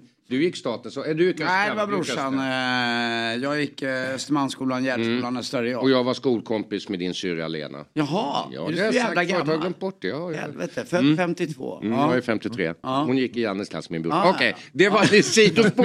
Det var ett ja. jävla sidospår. viktigt sidospår, ja. Nej, men jag växte upp här, jag gick på stadion faktiskt, men eh, de, de första minnena hade jag från Råsunda, för vi spelade jättemycket på Råsunda. Fler matcher på Råsunda på 60-talet än vad vi spelade på stadion. Var det så? Ja. Mm. Och eh, jag gick på stadion och jag hade liksom ingen anknytning till Djurgården. Jag var en vanlig supporter och det var ju omöjligt att spela i något lag för då, det fanns ju inte liksom bredden på ungdomslag utan vi hade ju våra egna kvarterslag. Och sen kom jag då till tipset, Lars-Gunnar då var en känd djurgårdare. Då ringer valberedningen till Lars-Gunnar och frågar vill du ställa upp och bli i styrelsen? Och då säger Lars-Gunnar nej jag vill inte göra det för det passar inte riktigt nu men däremot kan jag tipsa om en kille som heter Pelle Kotschack. Och det var så jag kom in i styrelsen. Och det var ju liksom magiskt när de ringer och frågar om jag vill sitta i Djurgårdens styrelse. Det, var ju, ja, det går ju inte att beskriva liksom hur stort det var. För, och, eh, och då, eh, man var ju jättenervös när man skulle träffa killarna första gången. Kniven tog hand om mig. Han var en bra snubbe. Och, och det är fantastiskt, alltså allting runt en förening. Jag älskar liksom det livet. Kniven, det är Knivsta Ja, Sandberg. Knivsta Sand. Ja, bra. Das Mästare Gösta som vi Knivsta säger när vi är i Sandberg. Tyskland. Han började Mm. spela i BP faktiskt. under- Jaha, ja. okej. Mm. Ja. Han är farfar till Gustav Sandberg. Ja, det visste jag. också. Mm, morfar, förlåt. Fel skrik av mig där. Mm, Morfar. Förlåt, Mm, pappa garvar åt våra gamla referenser. Men i alla fall, och det är o- alltså hela liksom att vara med i en klubb på det sättet som man är med och som man ska vara med som ledare. Alltså gå till Kaknäs, hänga med killarna, åka på bortamatcher, vara så mycket med laget och så. Det är fantastiskt, det är en ynnest. Mm. Och få gå ner i omklädningsrummet efter, ja det är ett sätt Ja. att leva. Skärp dig David. Och vi säger ju det, det här med att åka som vi åker till matcherna. Vi saknar ju det på vintern, Bosse, Henke och jag. I, Ja, men det är härligt- det är alltså, det, är, det är en fantastisk känsla. Och, och sen ska man säga, sen är det ju beroende på vilka som sitter i styrelsen och som jobbar. Och Henke och Bosse är ju eh, Eh, Ja, jag var ju med och tog Henke till Djurgården in the first place och det är jag jättestolt över. Och, och de är ju fantastiska, det behöver vi inte snacka Men liksom, de accepterar mig också som jag är. De tycker det är bra att, alltså de gillar det här med historiearbetet. Och, och, det, och, och det här som är att när det kommer nya så berätta om Djurgårdens historia och så vidare. För det är så jäkla viktigt alltså att de ska fatta vad de lirar i för klubb. Att de lirar i en av Sveriges äldsta föreningar. Och, eh, och allting runt om det. 467 SM-guld i eh, 25 sporter. Senaste sporten som tog SM-guld i? Sail racing. Paddel. Cricket. Oj, oj, oj. Damer. Det är stort. Det är stort. Det är en jävligt fin sport. Skypeneck, ja. Men, Men, det är fantastiskt, det är en ynnest och det är skitkul i min sammanfattning. Och eh, ja, och sen, eh, ja, det är sammanfattningen. Det som är, jag måste ändå säga som eh, verkligen då, eh, inte djurgårdare, men alla klubbar borde ha en Pelle Kotschack. Och, eh, och, på det sätt som du företräder Djurgården tycker jag är eh, helt enormt. Det finns ju ingen som, som träffar Pelle som går därifrån och tänker vilken idiot eller har en dålig bild av Djurgården utan snarare tvärtom. Utan det är ju Ja men enormt, enormt bra eh, Tack för berömmet. jobbat eh, där. Tackar. Eh, vi ses på din begravning. ja. Om du är bland de fyra. Ja det kommer jag vara, det är inga konstigheter. Men tusen tack för den här morgonen Pelle. tack, vi, ses, vi ses igen. Ses på barrikaderna som säger. Ja, det, ja alltid, alltid. Där ska vi upp och snurra. Eh, vi eh, ska bjuda in Myggan också eh, som är här denna, denna tidiga morgon. Eh, och i studion då är det ju eh, Myggan, eh, det är Anders Timell, det är Per eh, från Branten ner till Fryken och det är David Fjell som sitter här och vi är alldeles strax tillbaka.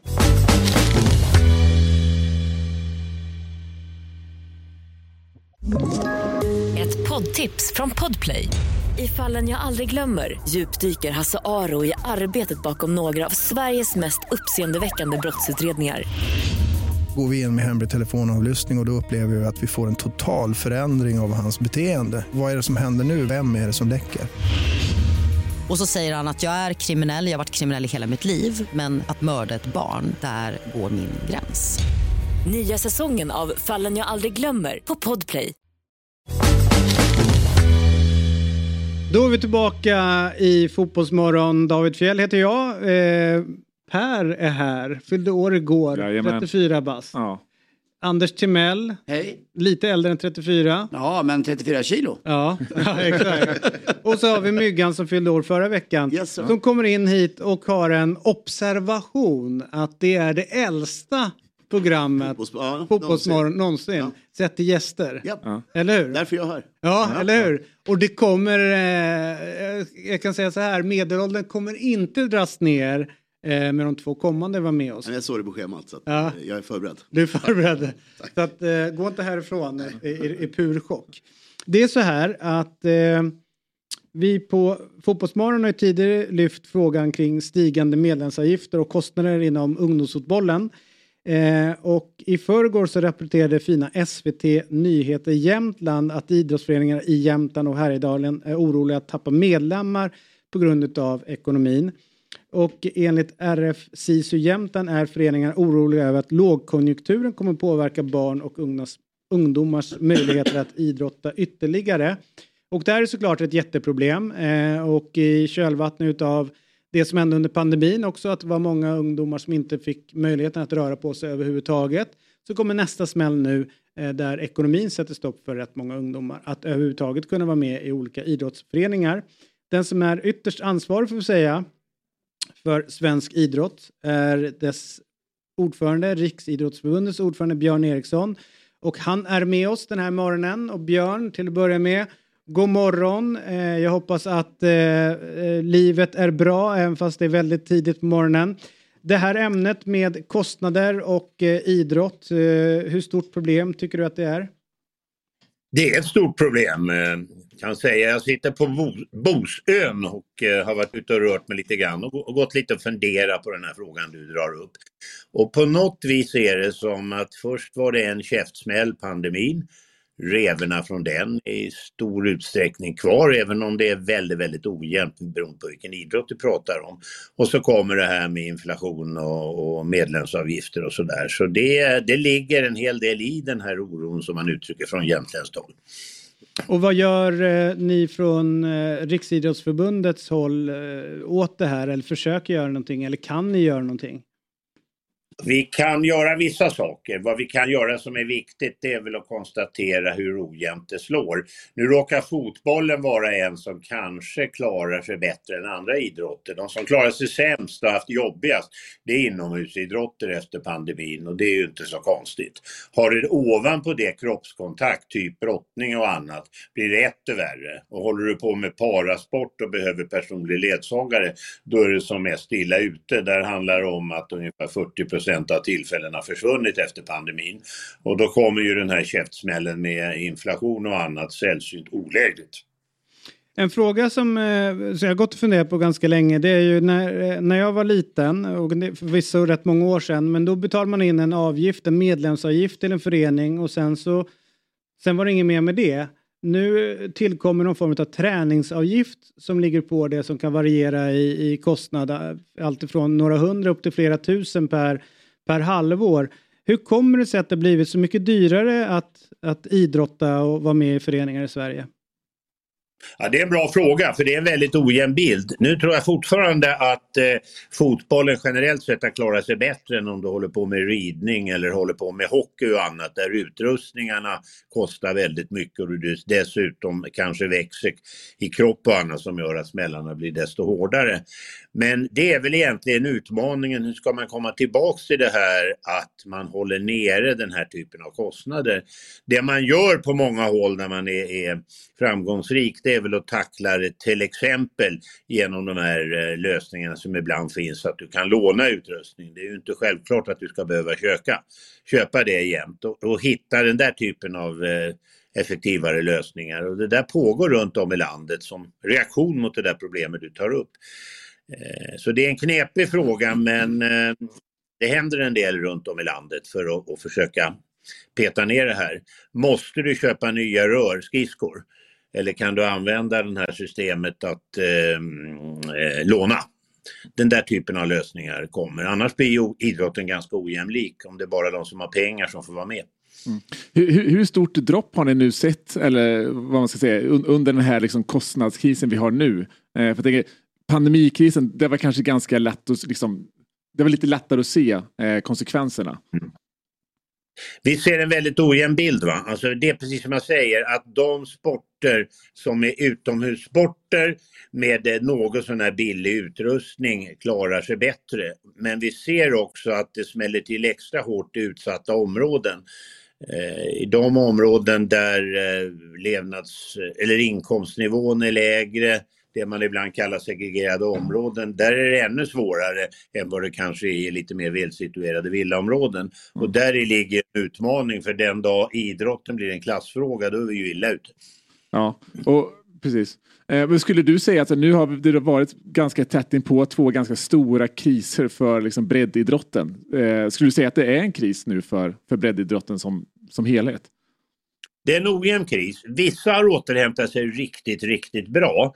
Andra har det betydligt kämpigare, så det är en ojämn bild. Så när jag träffar politikerna har jag ett budskap till dem som är lite svårt att, att få gehör för. Ni måste vara mer långsiktiga. Det här är liksom ingen quick fix. Nu säger vi att nu hade vi en pandemi, nu gör vi så här med händerna och nu är det slut. Det är inte det. Det tar mm. två, tre, fyra år och ni måste vara lite mer uthålliga mm. och inse att ni måste stötta till under lite längre tid. Annars så kan de här revorna bli kvar alldeles för länge. Mm. Du, eh, vi har pratat här med de som eh, har för avsikt att bli nya ordförande för fotbollförbundet om just eh, bristen på planer i storstadsområden vad gäller fotboll. Eh, vad har ni för möjlighet att påverka politiken med att det byggs fler fotbollsplaner i storstadsområdena? Det är en mycket bra fråga tycker jag och den är, förvärras av att konkurrensen mellan idrotter tilltar. Eh, det är ingen tvekan om att fotboll som finns på fotbolls, eh, fotbollsdelen kräver också inomhusutrymmen och plötsligt uppstår en eh, så att säga, kö till de anläggningar som finns. Så att det är extra illa i storstäder och extra, extra illa i Stockholm, det är definitivt sant. Eh, jag har en egen grej som jag håller på och försöker prata med många beslutsfattare om. Ni kan ju börja med att lägga ihop påsarna. Är det vettigt att jag har lite pengar, det finns vissa regler, Arvsfonden har pengar, de har sina regler. Kommunerna har pengar, de har sina regler. Vore det inte mycket bättre om man slog ihop de här påsarna och försökte jobba gemensamt? Eh, ovanpå det skulle jag vilja ha en sån här dansk fond. Danmark är duktiga. Så de har en sån här liten fond för att kunna eh, satsa just på anläggningar för det lönar sig lite mer långsiktigt. Jag tycker just nu att de som har haft svårast fram till nu att haja galoppen, det är faktiskt staten. Många kommuner fattar betydligt fortare vad det handlar om, dock icke alla. Så tjata, tjata, tjata, tjata, trycka på och lägga ihop pengarna och försök ha att man satsar gemensamt mot samma mål, inte att var och en kör sitt eget race. Och vad, vad är det ni vill ha till där? Är det liksom ett, större, alltså lite reglemente kring detaljplanering eller ha li, likt en enprocentsregel man har för kultursatsningar? Eller är det någon specifik grej där som ni, som ni trycker på? Jag försöker vrida skutan. Vi har länge hållit på att tjata om att det ska in i planläggningen och allt vad det är. Jag hade haft två, många roliga saker, men två roliga. En var att vara huliganutredare kring 2012. En annan var när ensamkommande flyktingbarn kom väldigt mycket till landet. Då utsåg man samordnare, gubbar och gummor. Eh, jag var en på de här områdena som höll på med det här. För att liksom slå ihop resurserna, samla folk i samma rum, snacka om vad gör vi nu? Och bara det att man försökte samordna det här på olika sätt betydde väldigt mycket. Och det är det helt enkelt som så att det är för många kockar som håller på för mycket med samma sak och man enas inte över gränserna. Bara för att ge er ett exempel, kan ni förklara för mig i Stockholmsområdet varför kommungränsen är så helig? Mm. Är det så att kidsen känner att deras största tillgivenhet är eh, Bromma eller det är Vällingby eller något annat? Nej, det vad i planen. Och tänka lite utanför boxen, det tror jag är en av de absolut största frågorna. Och så upp med lite stålar. Mm. Härligt. Eh, fint att höra dina tankar runt det här Björn. Eh, ha så bra där ute på Bosön där idrotten verkligen står i centrum får man ändå säga. Eh, Jag ska och- vandra ut där och med tanke på den tidigare diskussionen så får jag säga som före detta medlem i AIK Fotboll så får jag väl glädjas extra mycket åt att eh, träffa en del kamrater här ute. Ja, Eh, Björn, Björn eh, Bosön är väl ett friidrottsmecka inomhus. Jag undrar, vad kastade du på 60 meter? Med lite, kast med liten boll menar jag. Min, min, min största bedrift hörru, Ja. det är faktiskt 1500 meter när jag var ung. För springa det var jag ganska bra på, men kasta det var inte min grej. Det var inte det. Jag vill bara kolla av. Det är det vi AIK är bra på. Att Springa. Springa, vi utan boll. Utan boll. Ta, ta jobbet utan boll. Det är det som är grejen. Ja. Utmärkt. Ut och kuta. Ja, visst. Tack för den här morgonen Björn. Ja, hej. Hej. Jag då som oftast har sett eh, Björn på någon eh, fotbollsgala. Mm. Han är så uppe i varv så man orkar inte höra honom. Och så hör man honom så här. Vad bra han är, Mm. Ja. jag vilja säga bara. Ja, visst. Vilken tur att det finns en sån. Eh, sån eldsjäl, lite som Kortsak är för Djurgården, är ju han för idrotten. Ja, precis. Eh, men på galorna är han ju helt galen. Men här är han ju som han är. Mm. Och förmodligen alltid där. Och det här tycker jag om, jag vet inte vad ni tycker. Jo, han var ju verkligen uppe i varv på presskonferensen förra veckan. Ja, Eh, OS. ja, ja, med, med give you an offer, you Ja. can't resist. Ja, just det. Hur gammal är karln? Eh, det vet jag inte, hundra? Ja. Nej, jag vet inte. Jag har ingen aning. 70 Nej, jag någonting? gillar honom. Jag vet inte. Svar på tal Han är. Ja. han är eh, svår att tidsbestämma, men eh, det, det man glömmer bort också, han var ju rikspolischef Mm. under rätt många år. Ja, ja, ja. Då var det ordning och reda i Sverige. Ja, jag kan, kan, man undrar vad han tänker kring det som händer inom polisen idag. Då hade vi behövt hålla på. Ja, men det är ju rätt mycket shit som dyker upp där hela Mm. tiden som man häpnas över. Ja, ja, så kan det vara. Eh, jag ska bara kolla bort mot eh, Agne Jälleviks syster. Eh, precis, eh, det är det inte alls. Utan det är ju... Eh, Ag- jo, det är det. Det är Agne Jälleviks systerson som sitter där borta, Otto. Och eh, han ger, ger mig tummen upp därför att Lars-Christer Olsson är med oss. Och så här är det, för att göra en snabb recap.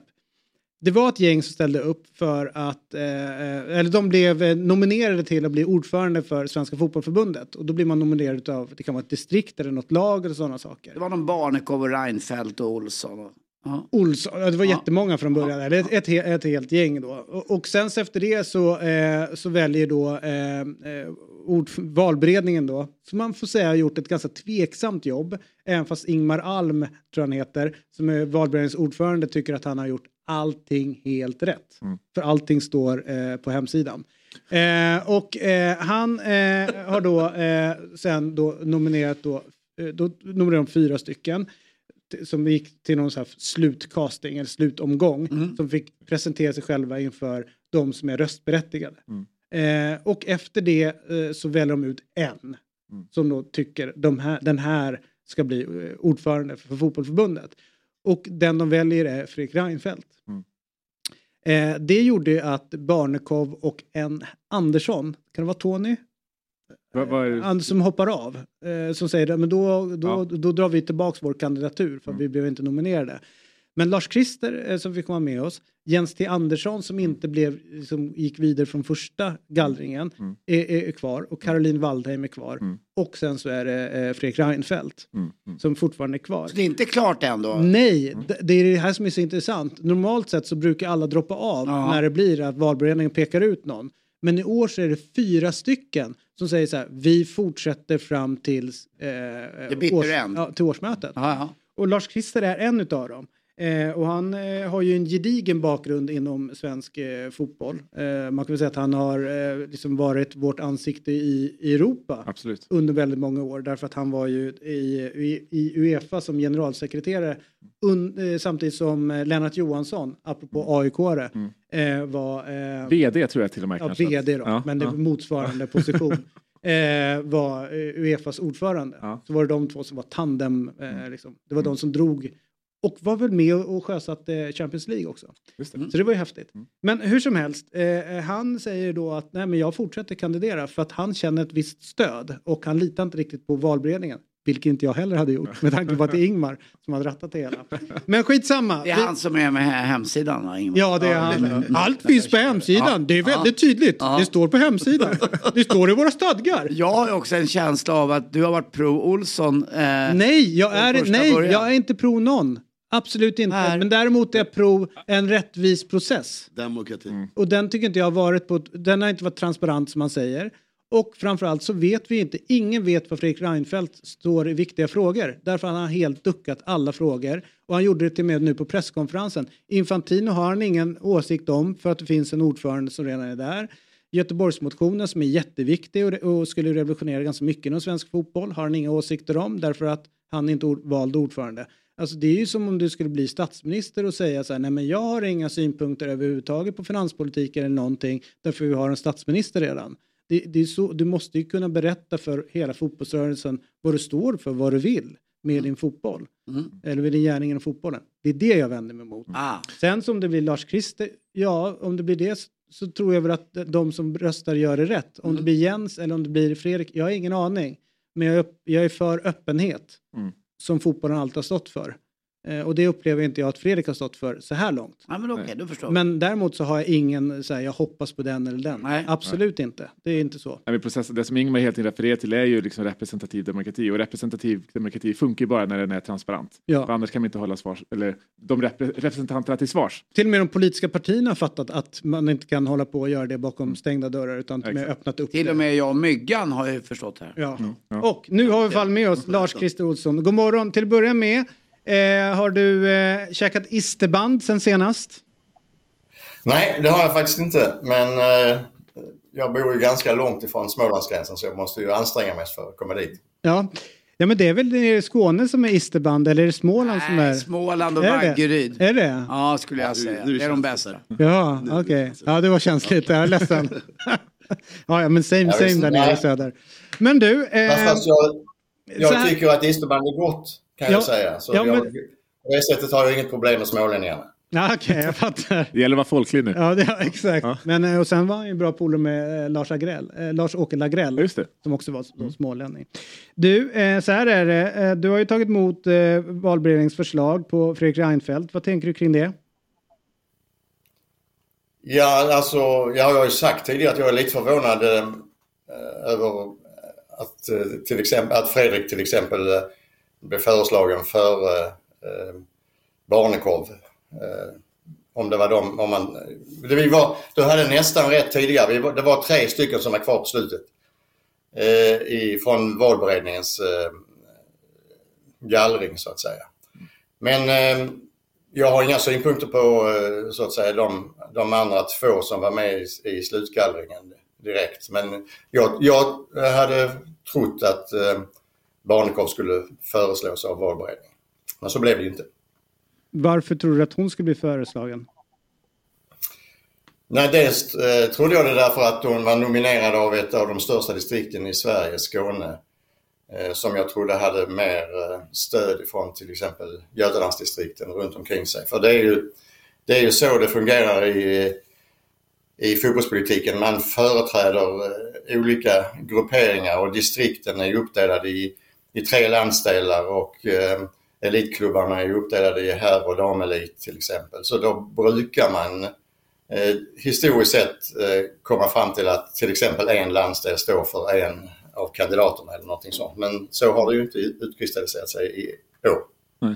Och du, du, du sa ju innan, när du blev nominerad, att blir du inte liksom slutkandidaten så, så ställer du inte upp. Då, då, då, då lägger du ner din eh, kandidatur också. Eh, och nu, nu fortsätter du att- ställa upp. Är det enkom på grund av liksom den slutnominerade eller någonting i själva processen som du har varit missnöjd med som gör att du, du fortsätter att ställa upp?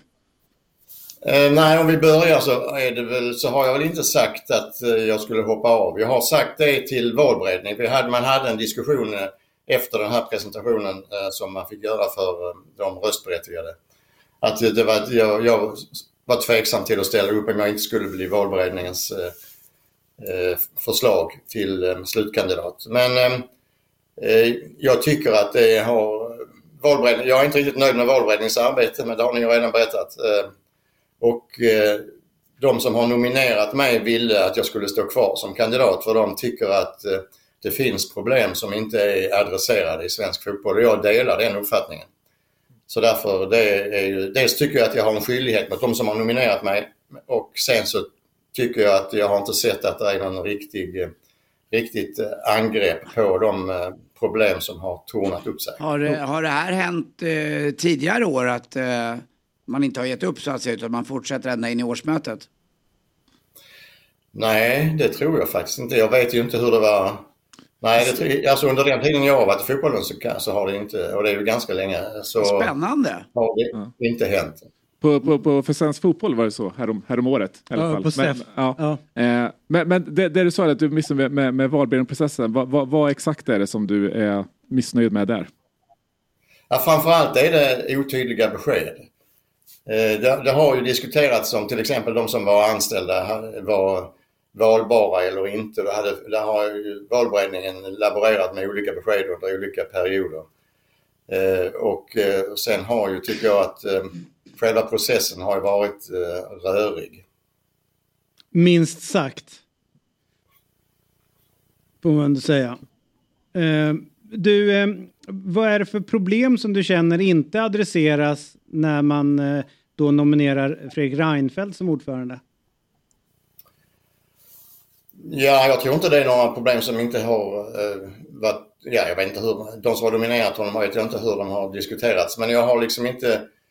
Jag har inte fått något klart besked om liksom vad det är som bedöms vara problem och hur man har tänkt sig att adressera dem. Men jag tror att eh, till exempel de här frågorna om eh, Göteborgsmotionen och eh, Eh, en del andra. Jag tycker att man, man... Min uppfattning är att man ska lägga dem, sina uppfattningar på bordet. Och det är, jag, har, jag vet inte om ni har läst det brevet som jag har skickat ut till de röstberättigade. Eh, Men där har jag tagit upp de här frågorna för jag tycker att eh, när man går till val sen, som jag tycker är helt korrekt, att det är bra att det avgörs på förbundsmötet eh, vem svensk fotboll vill ha som sin eh, ordförande. Och då ska man också veta vad det är man röstar på så att säga. Mm.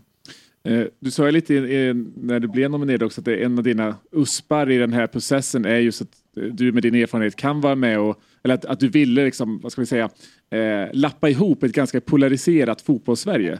Känner du att den sprickan har blivit större i och med den här processen? Det vet jag egentligen inte faktiskt. Eh, jag tyck, men jag tycker som sagt att jag, jag ser inte att det är någon som har svar på hur man ville eh, vill adressera de här frågorna. Jag tror inte heller att de är, eh, att de är omöjliga att eh, jobba med men jag skulle vilja ha eh, tecken ifrån fotbollssverige att man är beredd att ta, ta upp dem på ett eh, vettigt sätt. Nu, nu har ju förbundsstyrelsen reagerat på, på till exempel eh, de här föreningarna som vi kan kalla för eh, lägre förbundsserier som har en besvärlig ekonomisk situation i förhållande till sin eh, idrottsliga verksamhet. Man har ju satt igång en arbetsgrupp om detta. Och den arbetsgruppen satte ju igång och jobbade och skulle eh, se hur man kan liksom rätta till de svårigheterna för de klubbarna som är liksom i mellanskiktet. Eh, och, eh, och den har ju börjat arbeta men eh, Göteborgsmotionen kräver ju besked och beslut i, eh, redan i det kommande eh, förbundsmötet. Och det ser jag som en fara om man skulle ta liksom förhastade beslut i en sån eh, betydande fråga som det gäller att till exempel hur man ska fördela pengarna i svensk fotboll. Eh, vad, eh, vad tror du om dina chanser? Känner du att du har ett, ett starkt stöd eh, för din kandidatur fortsatt? Eh, i, I och med att du fortsätter. Alltså, hur, hur starkt stöd känner du från rörelsen? Har det många hört av sig från distrikt som du kanske inte trodde på förhand skulle backa dig? Är det därför du kvarstår också? Ja, alltså, det är ju framförallt Norrlandsdistrikten som har sagt att de, eh, att de delar min uppfattning om hur det ser ut i svensk fotboll. Och de är ju också oroliga för att det ska, att dessutom ska bli liksom en kamp mellan olika eh, landsdelar, nord och syd och sådär vidare, och tätort och, eh, och glesbygd. Eh, och, men eh, jag, och jag tror, ja, alltså jag har ju fått ehm, eh, Så därifrån har jag fått eh, väldigt klara besked på att de står bakom mig och att de pratar och resonerar med andra eh, distrikt i de andra landsdelarna. Eh, Och sen har jag också, eh, tror jag också att jag har ett ganska starkt stöd i eh, elitfotbollen. Tror du att du har ett stort stöd ifrån dem? Också. de distrikt som stödde Barnekow, är, är de mer på din sida tror du? Nu när de inte Det vet jag inte. Jag har inte, jag har inte börjat räkna röster riktigt. Det, gör mina kompisar i Norrlandsdistrikten. Dagligen tror jag. Du, eh, givet hur, hur det har blivit med, med den här eh, eh, förfarandet med valberedningens, säga, kanske lite röriga jobb runt det hela. Skulle det inte bli bättre att det blir mer en, en offentlig, att man kampanjar mer offentligt, att man går ut med, med en agenda. Det här vill jag åstadkomma under de kommande liksom, perioden, den första mandatperioden man sitter eh, som ordförande och, och liksom berätta vad man har för visioner och tankar för oss som står utanför så är det väldigt stängt. Man vet inte riktigt vad, jag har ingen aning om vad till exempel Fredrik Reinfeldt egentligen står, eh, står för. Eh, jag har inte så bra koll på egentligen vad, vad Helene, även fast hon varit här och pratat, att det blir en mer en kampanj, en debatt runt svensk fotboll. Det, det är inte så att man möts och debatterar de här frågorna utan det är väldigt, det är ju slutet precis som Per är inne på. Borde man inte öppna upp processen mera? Jag tycker inte att det är jätteslutet därför att eh, Eh, processen bygger ju på att de som har eh, röster och de som är röstberättigade, de är ju helt eh, informerade. Alltså, jag tycker ju i och för sig inte att man, att man har informerat dem tidigare om vad de olika kandidaterna vill. Det har ju kandidaterna själva gjort. En del har varit hos er för, på intervju till exempel. Och, så. Så jag, jag, alltså att allmänheten eh, tycker jag ska bli informerad naturligtvis men, om, men det är ju liksom det är delvis de röstberättigades eh, skyldighet tycker jag. Fast Eh, avståndet för, är ju... alla, de som har, alla de som ska rösta på förbundsmötet, de har ju varit med i processen, både föreningar och distrikt. Fast avståndet är ju fortfarande oerhört långt från en vanlig medlem i en förening till de som sen sitter på, på, på, de här, på årsmötet. Så informationen sipprar ju liksom inte ner i föreningarna heller vad, vad folk tycker och tänker i de här olika frågorna. Utan det ju, krävs oerhört mycket för en vanlig medlem att, eh, att få den här informationen till livs. Ja, ja, jag håller med dig om att jag tycker att eh, den här informationen kan vara mer öppen. Men jag tycker nog att det finns eh, möjligheter för dem. Eh, för den, processen ser ju ut så att nu lämnar valberedningen, eh, vi tar en, ett traditionellt då så lämnar valberedningen ett förslag senast den 15 februari hur man, vilka som nomineras till, inte bara ordförande utan till alla andra positioner också i, i svensk fotboll. Sen har ju de olika distrikten sina årsmöten som kommer efter att eh, valberedningen har gjort sin nominering och sen efter distriktens årsmöten så kommer förbundsmötet. Så i den här processen så finns det ju teoretiska möjligheter åtminstone. För alltså de föreningarna kan ju delta i distriktens årsmöten till exempel och där är ju alla föreningar med. Eh, så, det, finns, det finns instrument för att eh, den här informationen ska nå ut. Sen tycker jag inte den, de instrumenten kanske har varit använda på det mest effektiva sättet så där kan jag hålla med dig. Men, men att allmänheten utanför föreningarna måste informeras betydligt mer, det är väl, kan man ju diskutera. Men, men det är inte så att, man, att fotbollen har ganska mycket alltså från politiken att, att lära sig det? För det är någonting som har liksom, lidit av förtroendebrist. Och där Eh, är det ju så att ja, men, där tillämpar man också representativ demokrati när man, när man röstar på partikongressen eller röstar på nya partiledare. Men anledningen till varför det är liksom, tv-sänt och varför du har en halvtimmes debatt om varje fråga där varje sida får höras är ju för att du ska kunna utkräva lite ansvar av de som är representanter, vilket du inte riktigt kan, kan göra om, när du bara får det tillbaka rapporterat på ett liksom, mer lokalt distriktsmöte. Nej, jag håller med dig om att processen kan se annorlunda ut. Hur, huruvida det blir eh, debatter och sånt det är väl eh, delvis drivet av om media är tillräckligt intresserat. Eh, och det är klart, fotboll intresserar många men det är ju inte, det är ju inte ett riksdagsval precis. Förvisso. Eh, Vem, eh, hur, när, om du får eh, ge procentuellt då, hur stor, hur, stor, hur, hur, stor procent är det att Lars-Christer Olsson är ny ordförande för fotbollförbundet? När Ja, den, är stänger. den är ju tillräckligt stor för att jag tror att jag ska vinna annars, annars hade jag inte suttit här tror jag. Nej. Men eh, någon, någon, man behöver inte ange så många andra procentsatser. Nej, så att 50 plus helt enkelt. Ja, något sånt. Något sånt. Något sånt. Okej, eh, tusen tack för att du eh, ställde upp den här morgonen eh, Lars-Christer. Eh, och ha en, eh, bra onsdag. Det ser ut att vara bra väder nere i, i Skåne. Det kom ut lite, in lite sol där från ditt höger. Ja, det är faktiskt lite sol. Och har ni fler frågor får ni gärna återkomma. Ja, det lovar vi att göra när det närmar sig. Ja. Hej. Härligt. Tack. Hej, hej. hej. Hej då. Så, vad härligt. Eh, eh, vad tänker du Anders? Kring, eh, ja, ja, jag, jag tror inte att eh, han nöjer sig. Nej. Eh, Det här är ju ett eh, litet upp, eh, rop emot Reinfeldt tycker jag, jag märker, att de är kvar. Och det är inte bara Olsson, det är nog flera också ju. Ja. Så att eh, det är något missnöje som grider och det tycker jag är bra. Det är väl eh, också det som, är, som vi pratade om innan, du sa demokrati. Att det finns en möjlighet att man inte bara skyller över det. Sen är det lite som, när, när du säger det tillräckligt många gånger, att Reinfeldt har en gömd, ag- jag vet inte om han har en gömd, han har ingen agenda alls, men för man har ingen aning vad det är. Då blir jag också lite, men det är inte den Reinfeldt jag känner riktigt ändå. Jag har ändå varit med Reinfeldt i Renés brygga. Ja, ja, ja. Med Ja, ja, ja. Loreen, som är nu aktuell i Melodifestivalen. Men när är Lars Christer ja, med i ja, Renés ja, Han borde vara så pass smart. Kan inte du ringa upp honom då och fråga om han kan komma hit? Ja, men jag tycker Reinfeldt, Fredrik som jag känner lite grann, borde vara så pass smart att han inte agerade så här. Eller är han, så, är han förbi oss i smarthet? Är det någon som har varit offentlig och vet hur man ska göra så är det ju Reinfeldt. Det kan vi inte... Nej, nej, men alltså, jag, jag, så här, förstå mig rätt. Jag tror att han har, att leda en jättestor organisation, det är jättesvårt. Eh, precis som han säger, han har varit ordförande, han har rattat liksom, eh, ett, ett, en regering Ja. under åtta års tid.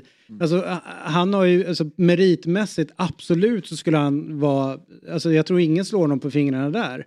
Eh, och han har uppenbart ett stort fotbollsintresse. Alltså, han tickar rätt många boxar i liksom, vad, vad som är bra. Men man skulle ju också vilja reda på, liksom, så här, men hur, alla de här utmaningarna som vi står framöver, vi har pratat om ledarutbildning, vi har pratat om eh, med planer, vi har pratat om 51%-reglerna, VAR lite grann, mm. pratar han lite luddigt om, Men han är Eh, också Infantino och så vidare och så vidare. Rätt många olika saker som, som dyker upp. Göteborgsmotionen som kommer upp här, som, är, som skulle revolutionera rätt mycket vad gäller svensk fotboll.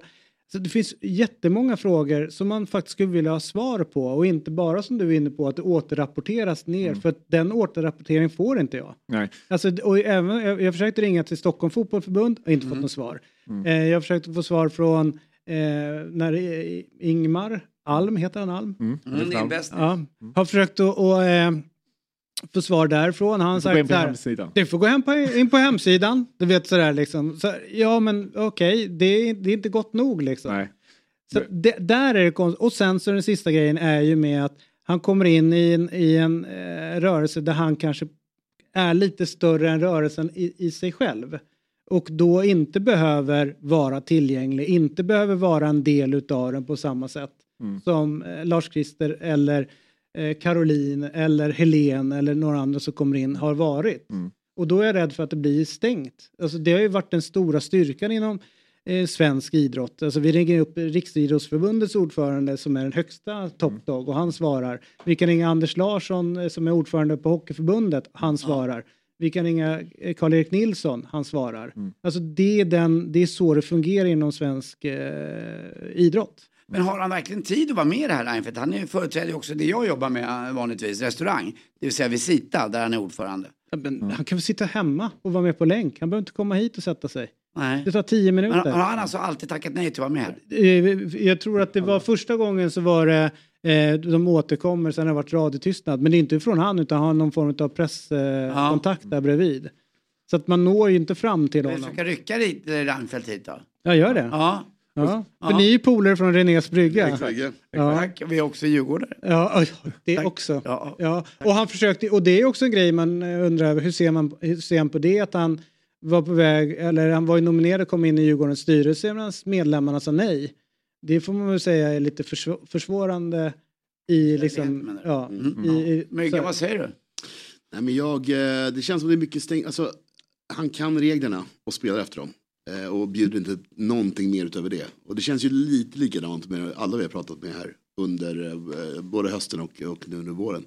Att eh, de, de är ganska nöjda med hur saker och ting är och Mm. inte förändrar dem. Exakt. Eh, Och kanske små förändringar, vissa öppnar vissa dörrar. Men, men generellt så känns det ju väldigt stängt. Och, ja, det skulle nog behövas eh, lite förnyning. Och det, det, och det, jag vill säga, det roliga är att rätt många eh, liksom äldre som har suttit länge inom fotbollen eh, har jag hört också säga att de stör sig över att det blir större intresse runt årsmöten och sådana saker. För de vill inte bli störda riktigt i det de håller på med. Och det vill man ju bryta. Man vill att så många som möjligt ska gå på årsmötena och så många som möjligt ska komma in liksom och ge alternativa agendor och liksom röra runt och se om det finns andra vägar framåt. Därför att det har varit väldigt låst Precis. under rätt Det- många det, år. Jag, det jag tar med mig från det här det är ju Göteborgsmotionen förstås. Exakt. Eh, Den Ja. är oerhört viktig. Ja. Men det är, när, när vi ser liksom Fifa och Uefa går åt ett väldigt tydligt håll, då ska ju vi springa åt motsatt håll. Och det är det som är grejen här, säga. Eh, vad är, alltså, är det Reinfeldts fel egentligen? Ja, men alltså, här handlar det, det, det, det, det, är ju, det är ju valberedningen som sätter ramarna för hur du som kandidat ska uppträda. Eh, och det, det låter så jäkla klyschigt nu, men så här, alltså, den stora förloraren här är ju svensk fotboll. För att som Lars-Christer säger, alltså, det finns så många stora frågor vi behöver diskutera och komma fram till. Och ingen debatt, det har inte varit någon debatt om de frågorna, det har bara varit om Och den är ju processen. intressant den där. Det handlar ju om att eh, de elitklubbarna ska dela med sig mer utav pengarna till bredden. Och det skulle ju, jag har svårt att säga att elitklubbarna är så sugna på att göra det. Men sen finns ju en annan diskussion då. Vilka är det då som fostrar elitspelarna från början? Antagligen rätt många breddklubbar. Mm. Så att det, liksom, det, det är inte helt, det finns inget tydligt och enkelt ja eller nej på det. Utan det är ju en svår fråga framåt. Eh, som, ja men, enkel fördelningspolitik helt enkelt. Exakt. Och ska, ska, ska SVF vara med i RF ens? Ja. Menar- Både Hammarby och AIK har ju försett både Djurgården och Malmö med många bra spelare. det är breddklubbar, de behöver Ja, exakt. Vi behöver mer pengar. Ja. Exakt. Ge oss, ge oss cashen från MFF. Det går åt helvete där Det uppe. gillar vi. Vi är glada av. All right. Imorgon eh, så är vi tillbaka och på, borta på dobb.tv så rullar ju allt på i full skala med Premier League som är tillbaka eh, full fart där borta och det är Eurotalk Fantasy TV och det är 08 Fotboll som man inte får missa. Nej, Jävla fint program har 08 Fotboll blivit igen. Verkligen. Eh, Som jag brukar säga, snart är det imorgon. ja, och det är en annan dag. Ja, det är det. Eh, och eh, tack för den här morgonen Ja, Anders. själv. Du eh, bidrar med väldigt mycket bra. Ja, Både och. Nej, men eh, mest bra får jag ändå säga. Vad härligt att du sken upp så mycket när Pelle Kotschack kom in. Ja, Det var en fin ja, bromance. Tack. Och Ja. jag hoppas att eh, bilderna blev bra också som Otto Ja, tog. det är det viktigaste. Ja. Ja. Man är aldrig bättre än sin senaste Instagrambild. Nej, så är det ju. Får Och. Otto, kom hit nu! Och eh, grattis i efterskott eh, Per. Tusen tack. Du ser yngre ut än dina 34. Ja, det var Ja. snällt. Och Myggan, eh, härligt att ha dig här. Kul. Som alltid. Kul, kul, och kul. tack för att ni har tittat denna morgon. Hej då! Hej då. Fotbollsmorgon presenteras i samarbete med Oddset, betting online och i butik. Telia, samla sporten på ett ställe och få bättre pris.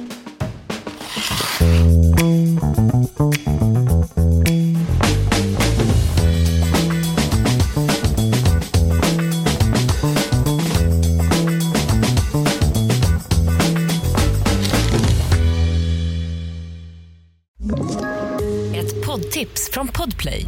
I fallen jag aldrig glömmer djupdyker Hasse Aro i arbetet bakom några av Sveriges mest uppseendeväckande brottsutredningar.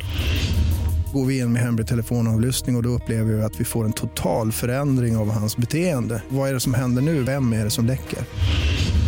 Och så säger han att jag är kriminell, jag har varit kriminell i hela mitt liv men att mörda ett barn, där går min gräns. Nya säsongen av Fallen jag aldrig glömmer på Podplay.